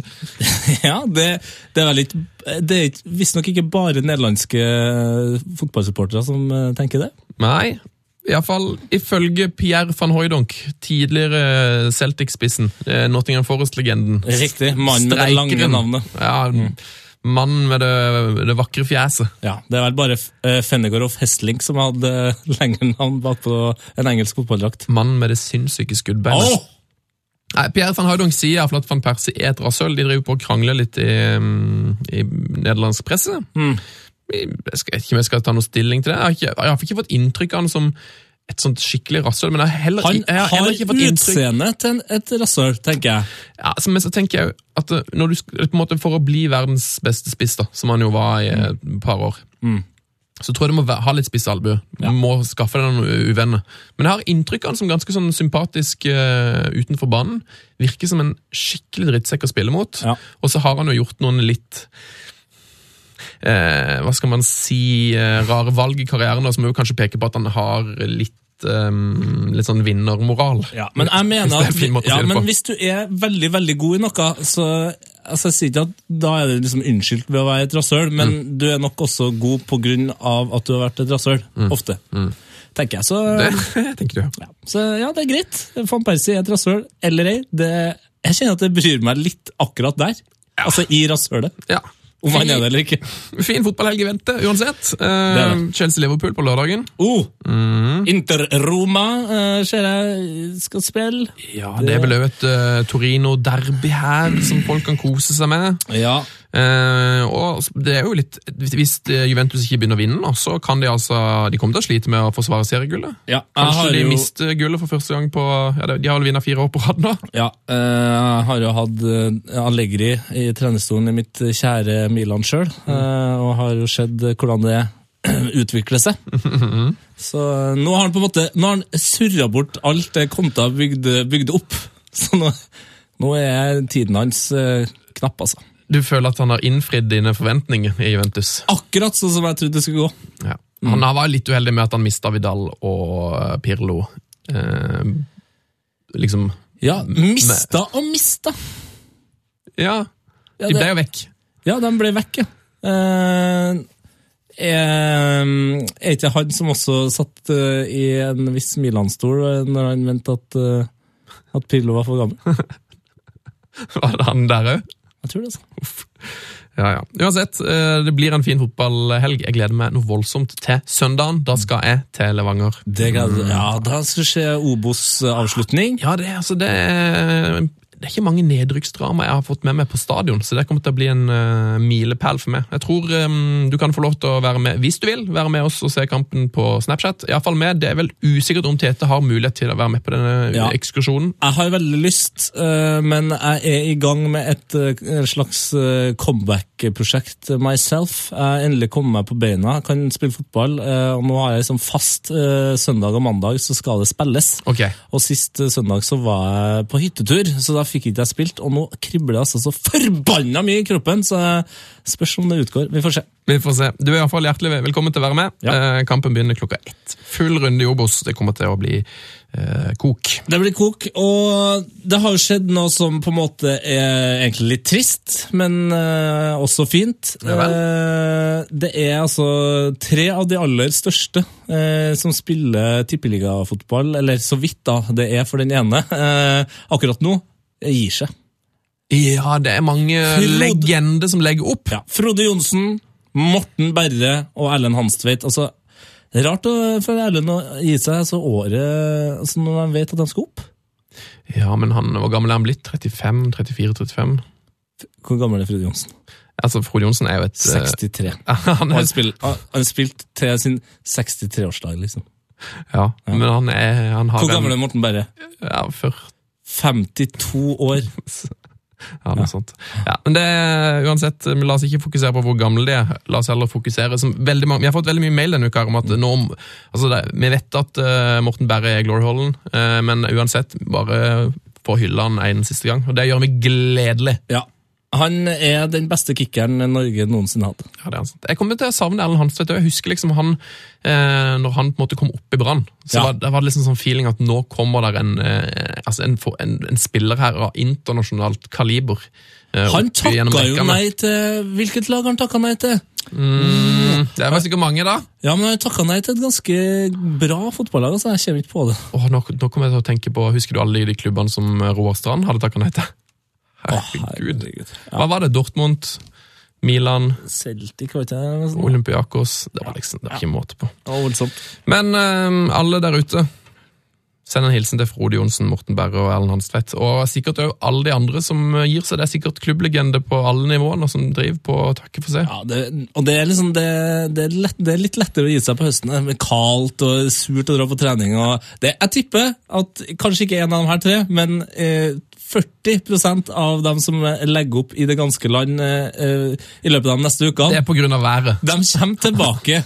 Ta det helt de, ja, det, det er en liten julemiddag, da, og så blir de megastressa. Så nei, fader, jeg må begynne å trene. Tar de et par uh, kamper på våren. Ja. Skal bare, skal bare komme inn og hjelpe. Uh, oh, oh, oh, du! Kan, kan, vi gå til en, ja, kan, skal, kan vi gå til en spalte? Ja, men jeg har et spørsmål først. Ja. Hvilke av disse tre vil bli den beste uh, neste fotballtreneren?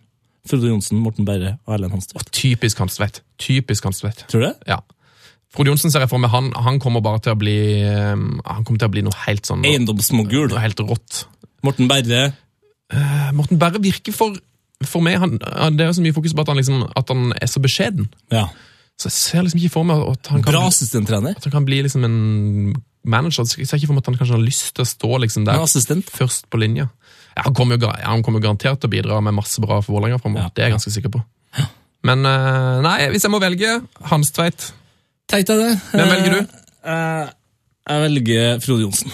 Han ser dritbra ut i dress. Oh, han, han, har, han har kjekkheten til å bli en bra trener. Nå skal vi til en spalte, eh, og i dag Altså, i dag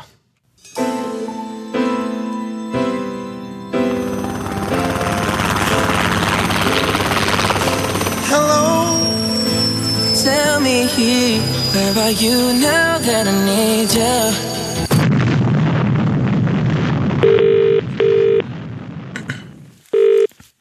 Good afternoon, you're through to Josh at Manchester United. Thanks for waiting. How could I help? Hello, it's me, uh, Tete Lidbom from uh, Norwegian Broadcasting.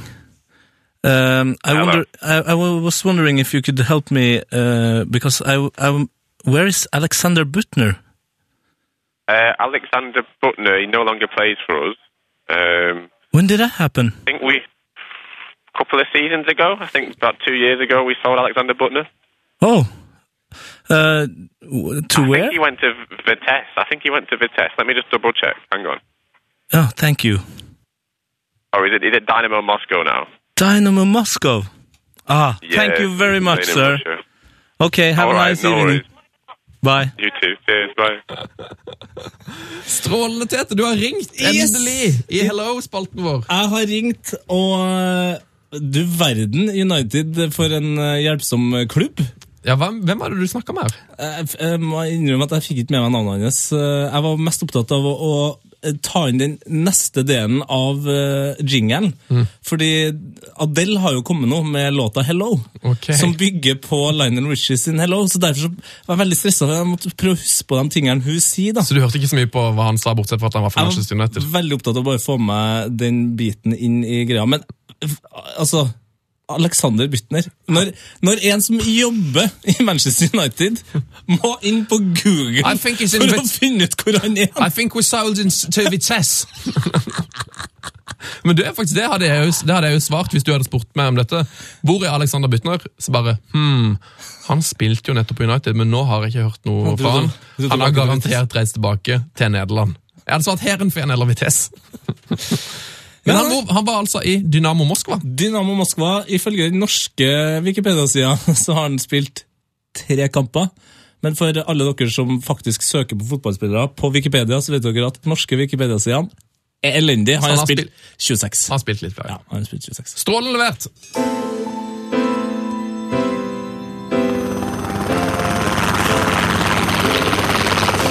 Hello, tell me where are you now that I need you?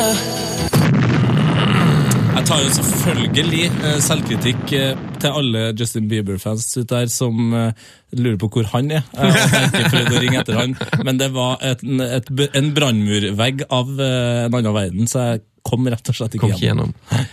Du, jeg foreslår nå at vi tar inn Netchef Lars. Er du gira på det? Er du klar for det? Jeg er så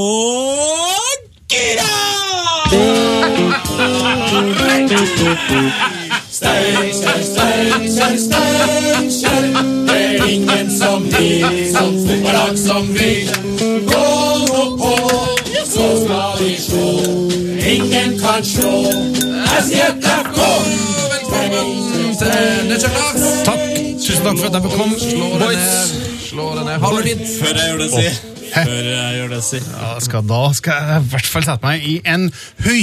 Hvem ville ha vunnet en slåsskamp mellom meg og nettsjef Lars Sven Bisgaard Farren Sunde? Oi.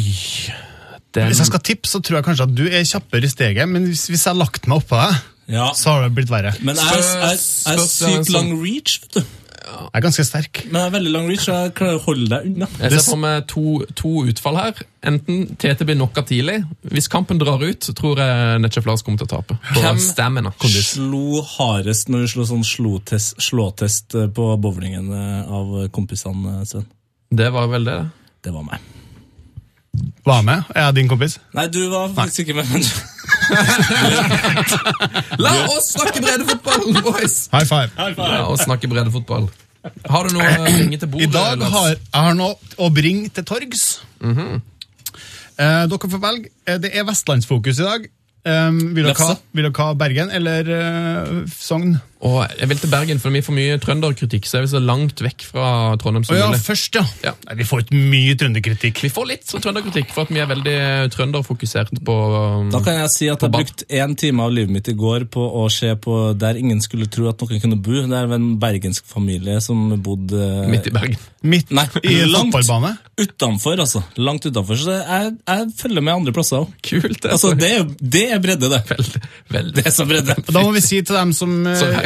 som kritiserer Jeg tror ikke det er så mange, men hvis de, gjør, hvis de gjør det, send eh, breddetips fra ditt distrikt. Ja, vår e-post er heiafotballkrøllalfa.nrk.no, og nå skal vi til Bergen. Ja da, eh, eh, Vi har fått fra Øyvind Mjøsund. Hei, Øyvind Mjøsund! Heia fotball. Hei, flott, flott podkast sin. Så hyggelig. Og så sier han dere har snakket om Hasunds hund tidligere, Ja, angående sponsing av minehund med 50 000. Ja, nå er vi vel i sjette-syvende divisjon eh, Bergen. Det er riktig. Jeg tenkte, jeg skrev en liten passiar med rekapitulering her. Mm. Det er jo mye Vinor på kort tid. Ja. litt for ubredt, egentlig. Men det dreier seg da om den gamle brannlegenden Geir Hasund. Eller legende, jeg vet ikke. Han spilte i hvert fall seg inn i brannhjertene ved å skåre viktige mål, bl.a. mot Liverpool og PSV i Europa. Hei, Liverpool. Hei, PSV. Hei, PSV. Hei, Europa. Og ikke minst den avgjørende skåringen mot eh, Lillestrøm i semifinalen i cupen i 95. Mm. Da en kompisgjeng skulle stifte en fotballklubb i Bergen i 99, så henta de da inspirasjon til navnet sitt fra Geir Hasund, men i tillegg også fra det svenske bandet Bob Hund. Klubben ble da hetende Hasunds Hund. Og De spiller nå i 7. divisjon, og de jeg så faktisk på tabellen. De har gjort det bra i dag. I år. I dag og i år. Og Ikke i dag, men i år. i går. Tredjeplass. Tredjeplass! Oi, så bra. Jeg tror jeg hadde kalt laget for Hashund. Eller Bob Hasund. Da får du med alle tre, tenker jeg. Ja, og så For en eh, stund siden da ga klubben bort eh, grasrotmidlene sine på 50 000 til et minehundprosjekt i eks-Jugoslavia. Riktig. De bidro da altså med midler til en minehund, og da, det var da vi omtalte det her i Heia Fotball for første gang. Jeg elsker at de bruker eh, det gamle uttrykket eks-Jugoslavia. Ja, jeg, lurer, jeg vet ikke helt hvor det var, nemlig. Eh, eh, vi omtalte dem fordi de var så snille, fordi det var et flott prosjekt, og ikke minst fordi minehunden også ble oppkalt etter nevne hasehund. Han ble hetende for Geir. Åh. Dere husker det? Oh, ja, nå ringer det noen, ja, ringer noen små hundebjeller. Koselig, vet du. Og så kan vi gå tilbake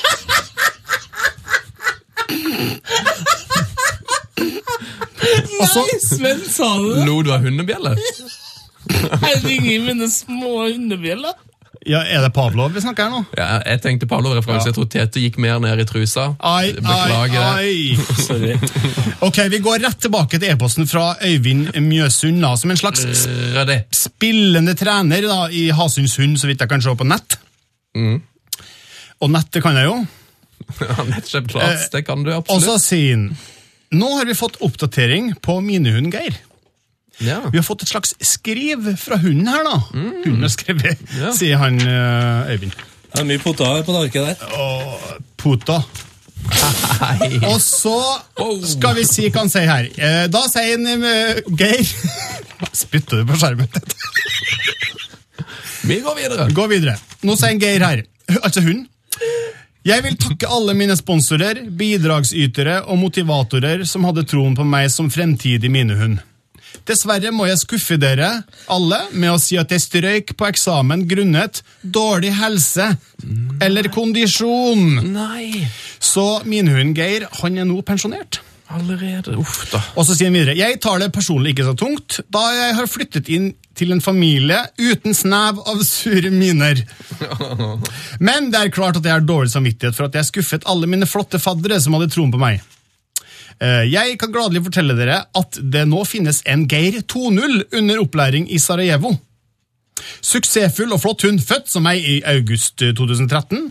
Så han er altså ikke for gammel, han er bare for dårlig. Uh, Minehund Geir har en Facebook-side, og det er altså den Facebook-sida uh, det- nå vil handle videre uh, om Geir 2.0. Så bare gjør som Hasins hund. Støtt minehundeprosjektet i Sarajevo, sier. Eh, gjør- eh, sleng deg ned på en saccosekk, tygg på et bein, nyt livet uten miner, og følg utviklingen til Geir på denne siden. Altså, Eller Geir 2.0, da. ja, Geir Tone. Geir Tone. Altså, hvis, Kunne den, hette, kunne den hunden fått navnet Mini-Me?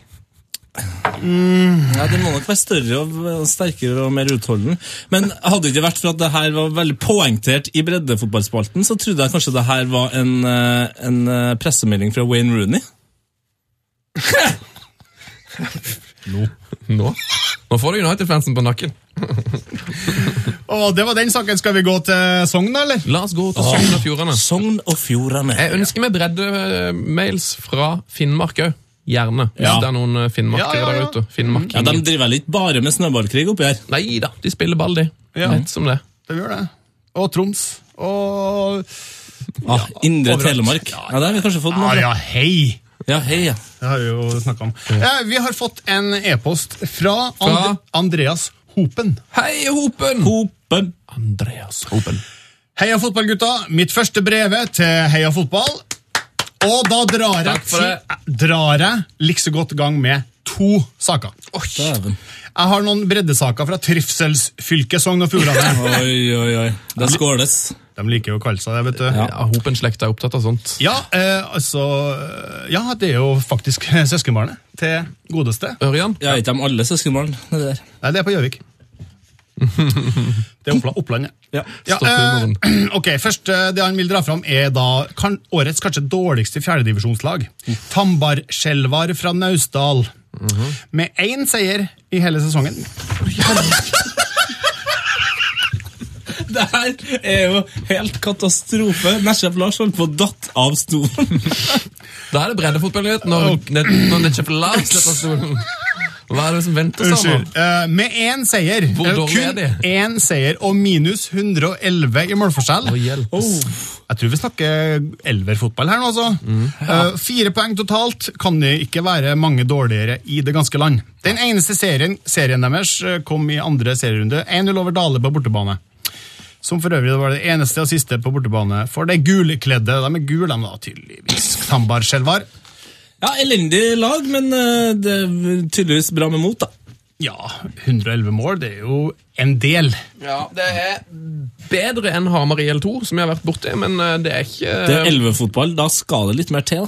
Ja, Kanskje jeg spiller 111-fotball? Mm. Vi går videre til den andre saken. Den er ment som en gladsak, sier Andreas Hopen. Å, vent litt! Andreas Hopen, jeg googla. Du spiller for Eikefjord IL i femtedivisjon, avdeling 2. Eikedal ligger da midt mellom Førde og Flo- Florø. Dem, Tambarskjelvar, rykka ned fra fjerde. Du spiller i femtedivisjon. Shots fired! Kanskje vi skal avvente dere og ta en liten recap når dere har spilt mot hverandre neste sesong. Oi, du kødder. Altså, ikke bredde med bredde, breddesjef, nettsjef Lars, altså. Eh, nei, jo da, bare kødd. Nei, du har full kontroll. Nå. Den andre saken er ment som en gladsak, selv om skaden som førte til saken er forferdelig, sier en, uh, Hopen her.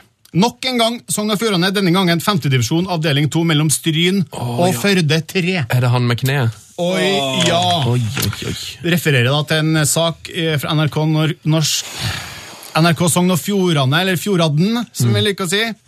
Det var da femtedivisjonskampen eh, der eh, Are Njøten kjempa for å klarere en ball og skulle takle en motstander da det alt gikk galt.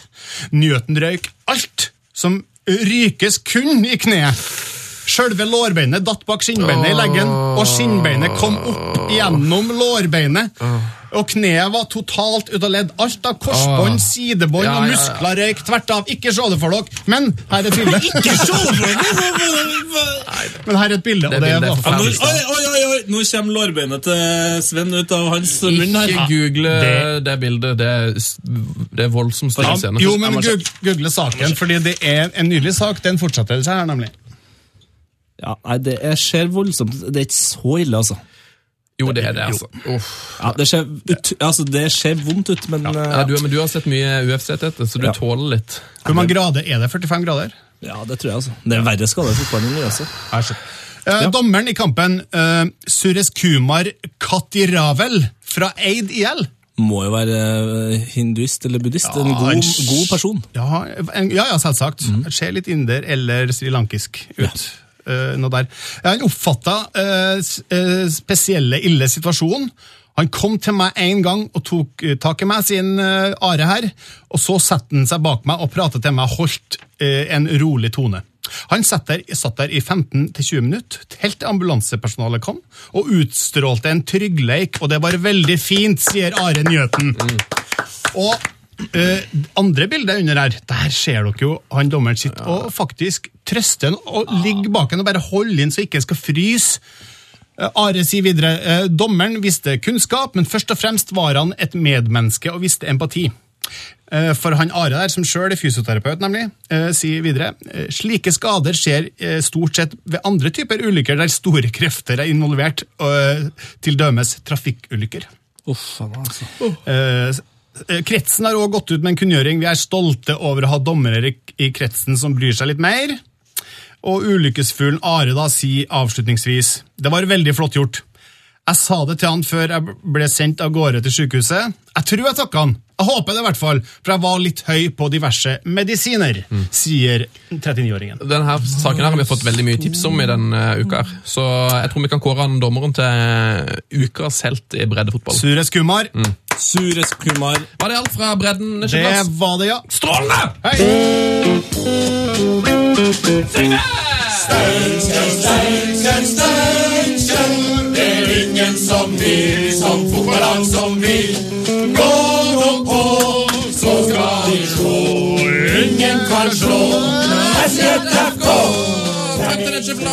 eh, nok en gang var innom eh, masse flott fra breddefotballen. Og masse vondt. Ja, det Den var gangen jo ja, vondt å høre om, ja, faktisk. Eh, Men fortsett å sende tips. Vår e-post er altså heiafotball! Krøllalfa nrk.no. Hvor skal vi nå, Tete? Vi har jo da altså Vi har post og brevet, vi har. Skitte Rakvik, vi har mye, mye, mye greier. Vi kan godt gå Så skal vi jo snart tilbake til Arild Stavrum. Hva, hva vil du ha? Hva vil du ha? Hva vil du ha? Du kan velge. Uh, Shit. Shit! Shit! For vi rakk ikke det sist. Shit!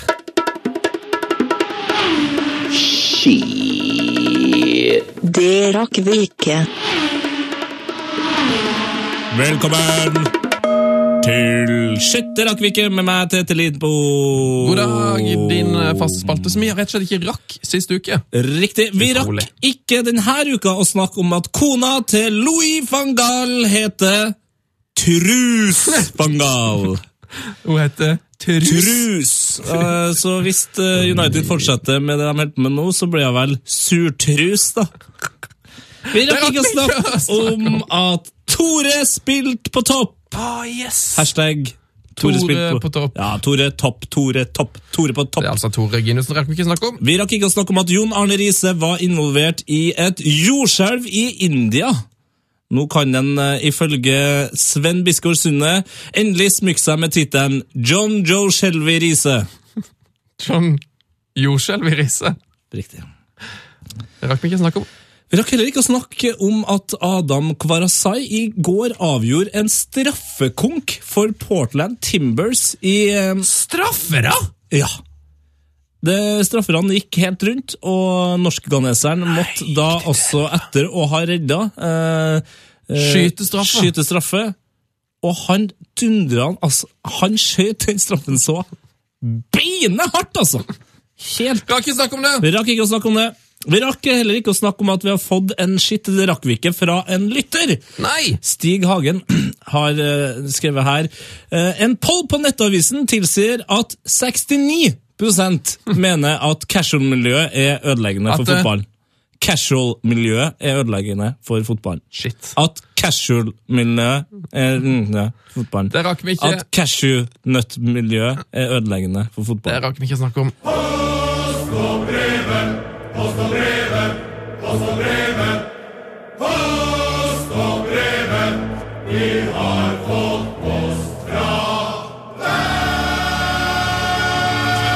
Velkommen til postebrevet. Velkommen skal du være. Og takk til Svartlamoen Hardcore, som har eh, synga inn eh, kjenningen for oss. Sunget. Mm. Har sunget. Eh, vil du ta et brev først, eller skal jeg bla i gang? Fått altså, vi får så mye fine brev for tida. Ja, det er voldsomt. Det er overfylt i innboksen. Ja, og det skal sies, vi leser faktisk alle. eh, prøver å, ta med noen hit, og så prøver vi å svare på dem vi leser. Det er ikke alltid vi, rekker å gjøre det. Det beklager jeg eh, spesielt, som har veldig mye andre rare mail som jeg må svare på, dessverre. jeg har fått et, eller Vi har fått et, eh, en post her fra Martin Haven. Hei, Martin! Um, han skriver 'Heia fotball, boys'. Heia fotball. Satt opp mitt drømmelag bestående av aktive spillere over 35 år. Hva synes dere? Laget går ut i en slags 3-3-2-2-formasjon, der angrepene kom av seg selv. Var det ikke akkurat som å gå i en godtebutikk når det gjaldt forsvarsspillere? Det er altså et Det er et uh, lag som heter Bocca Seniors. Oh, jeg liker navnet. Jeg Over liker 35 XI i mål. Buffon. Oh. Så har du tre på, uh, i forsvaret her. Mario Jepez. Oh, spiller, han spiller ennå, gammel han blitt? Ja, nå er han vel 40, altså, tror jeg.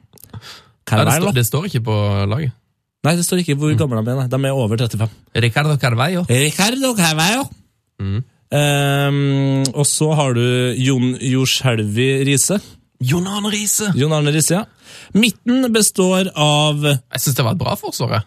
Ja, Det er ikke, men altså, det er ikke du må stryke noen år av Jepes uh, for å få maks ut av den, ja. Ja, Ja. det må du nok. Men han hadde også noen gode år i rundt 35. Det er bare at det kom noen veldig dårlige både før og etter. På midtbanen har vi Stevie G, ja. A. Pirlo, Andrea Pirlo. Og hvem tror du er på den siste midtbaneplassen her? Nei, Lampstad, kanskje. Ja, det er MLS-midtbane der. Frank E. Lampard, selvfølgelig. Så kommer det. Ronaldinho og Totti ligger bak Miroslav Klause og Luca Toni. Oh, For et nydelig lag. Ja, og med Buffon i mål så kan jo Jon Arne Riise blogge og Jepes spise colombi colombianske fiskekaker, og Carvalho drive med det han driver med på driver fritida. Uten at det skal bli så veldig mye mål bak. De burde kanskje spille mot eh, Young Boys? Ja, kanskje det. Boca Seniors mot Young Boys? Eller Boca Juniors, kanskje. Så. Det gøy. Keep it in the club. Yes, eh, Jeg tar et eh, brev her eh, som jeg har fått i posten. Kjøre på, Det da. er altså så rått. Åh, åh, er det Brev i posten. It's a gift? Hvis du har noe, du vil, noe som er fysisk du må sende til oss, er vår eh, adresse P3 her fotball, NRK, Otto Nilsens vei 2, 7005 Trondheim. Dette har vi fått fra Ole Skuggevik. Eh, Jeg skal bare gi det Det Tete. Du kan jo åpne den. Han har sendt meg et brev her. I dette brevet ligger to suvenirer. Jeg plukket opp på min reise til Japan. Disse gjenstandene ble valgt med tanke på at dere to eh, Nei, nei. Nå, Hva er det du driver med nå, Sven? Ja, Disse gjenstandene ble valgt, ble valgt med tanke på dere to. Ja. Og er min gave til dere som takk for dette fantastiske programmet dere lager. Tusen takk selv. Eh, Referansene som gavene representerer er kanskje litt utdaterte, men for dere og alle fastlyttere vil denne gaven forhåpentligvis få oss til å mimre tilbake til herlige podkastøyeblikk fra våren, og kanskje nok en gang irritere Tete med Ghana-sangen.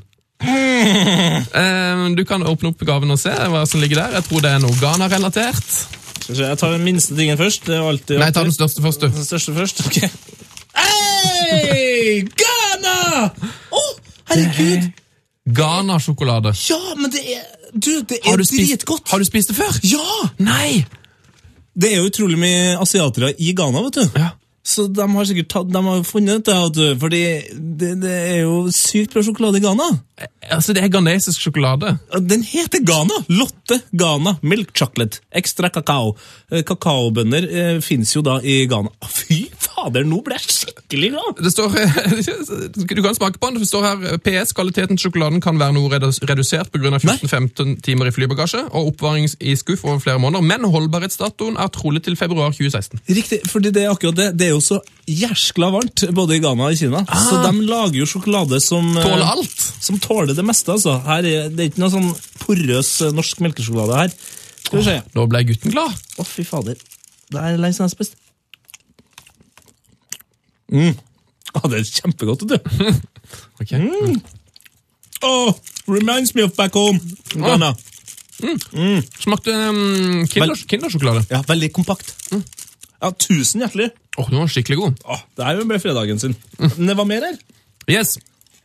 Ehm, Det ligger et uh, fotballkort der. Som jeg da regner med òg er en referanse til noe som har skjedd i programmet. Ok. Ehm, du kan jo åpne det opp. Ja, ja, hva er det? Det er litt gjennomsiktig papir. Det er et fotballkort Av Rumi Utsugi! Yes! Fantastisk. Dæven steike! Et fotballkort av selveste eh, Utsugi. Og mm, det er jo en beskrivelse bakpå her. Ja. Født i 98, 1988, Den, 68 høy. Her skriver Ole videre. På baksiden av kortet står det en uforståelig beskrivelse av spilleren. Men takket være Google Translate har denne teksten blitt oversatt til delvis forståelig tekst. Men betyr det at han da har sittet manuelt og skrevet inn de eh, kinesiske tegnene der? Ja. Det er ikke noe rart, eh, det er ikke noe rart den sjokoladen har ligget i bagasjen hennes, nei, i skuff i flere måneder. Skal du høre hvordan fotballkortet her omtaler Rumi Utsugi? Ja, Eh, Oversatt engelsk. Gjerne. Her greatest weapon to the volante and side back to the main battlefield, but left foot kick. Uh, God start. Ja. Including the bus that becomes the first step of attack to deliver path to accelerate the attack soon between the opposing defensive organization. The path and the ball directly linked to various kinds, shoot to alley. And protect an even physical, physical with hefty attacker of European specification. And would in Fujikon easily. Oh yeah! Skjønt ingenting av det. Heldigvis har Ole oversatt det til norsk. Det er bra. Det, hørte, det høres ut som en sånn um, actionfigur. Altså, ja. Skal vi ta det på norsk òg? Vi, vi tek det på norsk, hva? orker vi. Det er veldig... Ok. Hennes største våpen til volante og siden tilbake til hovedslagmarken. Men venstre fot kick. Inkludert bussen, som blir det første trinnet av angrep. For levering av banen for å akselerere angrepet. Sydde mellom motstridende defensiv organisering. Banen og ballen direkte knyttet til ulike typer av skyte til alert. Og beskytte, og selv fysisk, med heftig angriper av europeisk spesifikasjon. Herregud. Og ville i Fujikon lett. Eh, ja, det er stort i hvert fall. Jeg ser også at det er skrevet noe frampå det kortet her. Vil du høre det? Ja, For det, det òg syns jeg høres litt rart ut. Forceful place of these footballers must convey considerable hope and energy to many people. Skal jeg si det en gang til? Nei, jeg orker ikke mer. Helt sikker? Ja. Få si det en gang til. Forceful place of these footballers must convey considerable hope and energy to many people. ja, Det er ingen tvil at det er japansk fotballkort. Det er, det er alvorlige Det greier. er litt ekstra bra. Om dere skulle mene dette var denne fotball-T-skjorte, kan dere eventuelt sende den til min adresse, som er vedlagt. Hilsen Ole Skuggevik! Oh yes, Ole. Du skal få to og en halv. Neida, du du skal få én. Du skal Helt slippe av to. kongebrevet. Fy fader, det der er- Vi rekker ikke noen flere- brev, men eh, vi har fått så mange fine kommentarer i iTunes at vi, vi rekker et par meldinger derifra. Det renner altså inn. Ja. Eh, Hvis du går inn i iTunes og abonnerer på oss i der, så kan du altså kommentere på podkasten og gi oss stjerne. Og nå har vi oppfordret til det de siste ukene, og nå har det kommet inn så mye fint. Det var voldsomt mye fint her. Blant annet Her er mye sjokolade i munnen her. Sorry. Fra Filla. Helt nydelig podkast! 69 av 69 poeng. Ja, Krinene. Fem av fem. Det er, like gitt fem av fem, og skrevet fem av fem. MHU14. Dette er faktisk bedre enn 69. Nei! Så det, der har du en eh, god tilhenger av eh, da enten stillingen, tallet eller eh, tilværelsen 69. Og kan vi ta den øverste der helt slutt, for det tror jeg er min favoritt. Det er min favoritt. Okay. Du kan ha din egen favoritt. Jeg har spart den til slutt. Det er fra Jonny Kåre. Ja. Som har altså kommentert på vår podkast i iTunes. Riktig. Paul Scholes. Sendt fra min iPhone. Ba, Det er fra bare les den en gang til. Ja, fordi det er fra Jonny Kåre, Okay. som har skrevet 26. oktober 2015 Paul Scholes. Sendt fra min iPhone. Ja, det er brevet, altså. Det er brevet. Da går vi til quiz, og så får vi inn igjen Arild Stavrum. Quiz. Du, Husk da at du kan sende oss e-post hvor e-post er. Heia fotball! Krøllalfa nrk.no.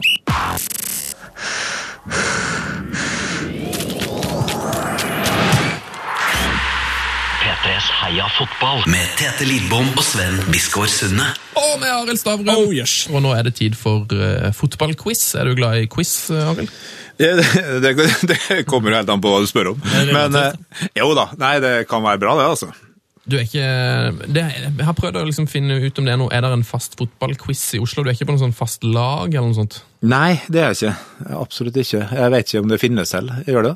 Nei, det, Vi bor oppe i Trondheim, så vi har ikke helt oversikt, men det, det virker ikke som de gjør det. Men send oss gjerne tips hvis dere vet om en fotballquiz i Oslo.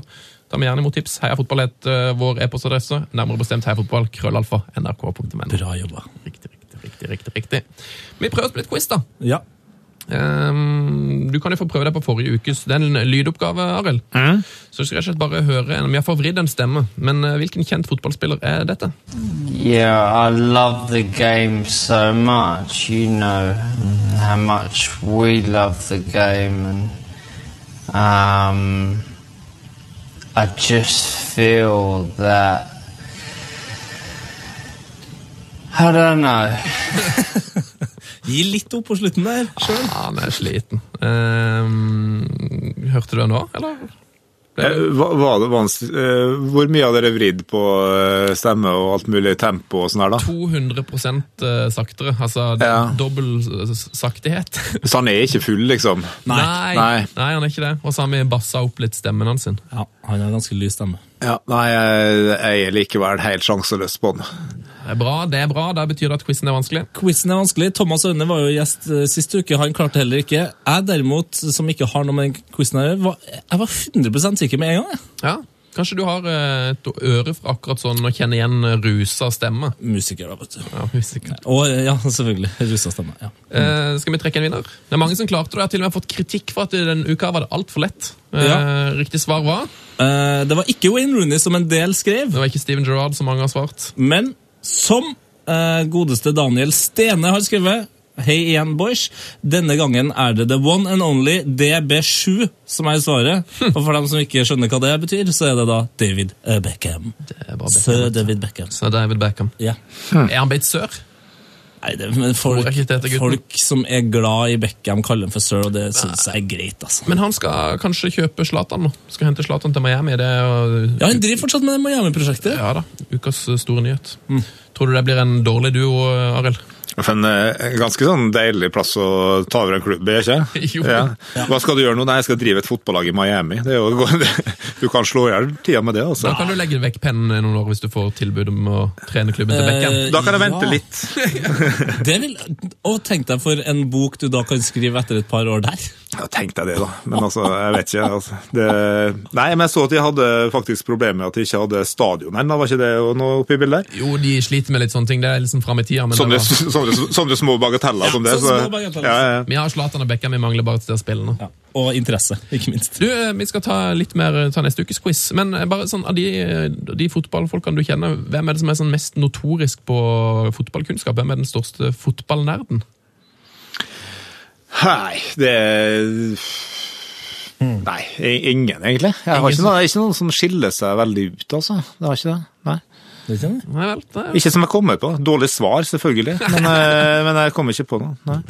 Du kan få tenke på det mens ja. du får neste ukes quiz. Eh, Og siden så mange syns det var så jæskla eh, så lett, så har jeg prøvd å gjøre det litt vanskeligere denne uker. Eh, Du kan vinne en Heia fotball-T-skjorte hvis du klarer ukens quiz. Eh, Hvem er dette? Så fort det er noen ting som blir klart så kommer, kommer ja, vi att meddele Hva skal de meddele? Ja, jeg sier det. Ja, nei, jeg, jeg tror jeg har rett igjen. Du tror du har rett? Ja. Eh, Arild?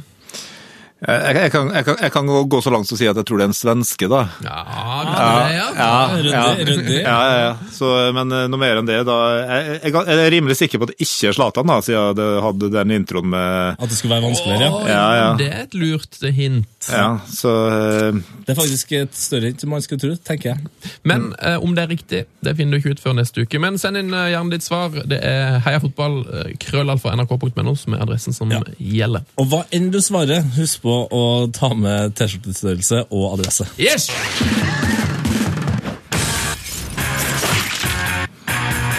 Heia fotballs glory hall. Yes!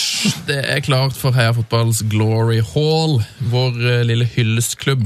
Um, her er det tykt av stjerner for tida. Ja, det er voldsomt Det kryr eh, av blitt. Eh, Det er folk som for eksempel Myggen. Myggen er der. Sigurd Røsfeldt. Sigurd Røsfeldt er der. eh, Bestemora og Nei, oldemora og oldefaren til Flo. Er det så, Flo-familien, ja. Flo-familien. Paul Ja. Scholes, Sanetti, Arne Skeie, Ryan Giggs Eh, Ja, det det, Martin Palermo. Eh, Hvis du skulle hylle en favorittspiller, uh, Arild, hvem hadde det blitt? Nei, det hadde altså Nå har jeg har jeg skrevet bøker om Maradona, da. Så det, er liksom, det, det er vanskelig liksom å, å si I og med at jeg har skrevet tre bøker som heter noe med Maradona, så er det vanskelig å, å påberope seg noen andre. Så nei, han er nok den jeg har sett mest opp til og syns har vært best, da. Absolutt. Er han i Glory Holland Tete?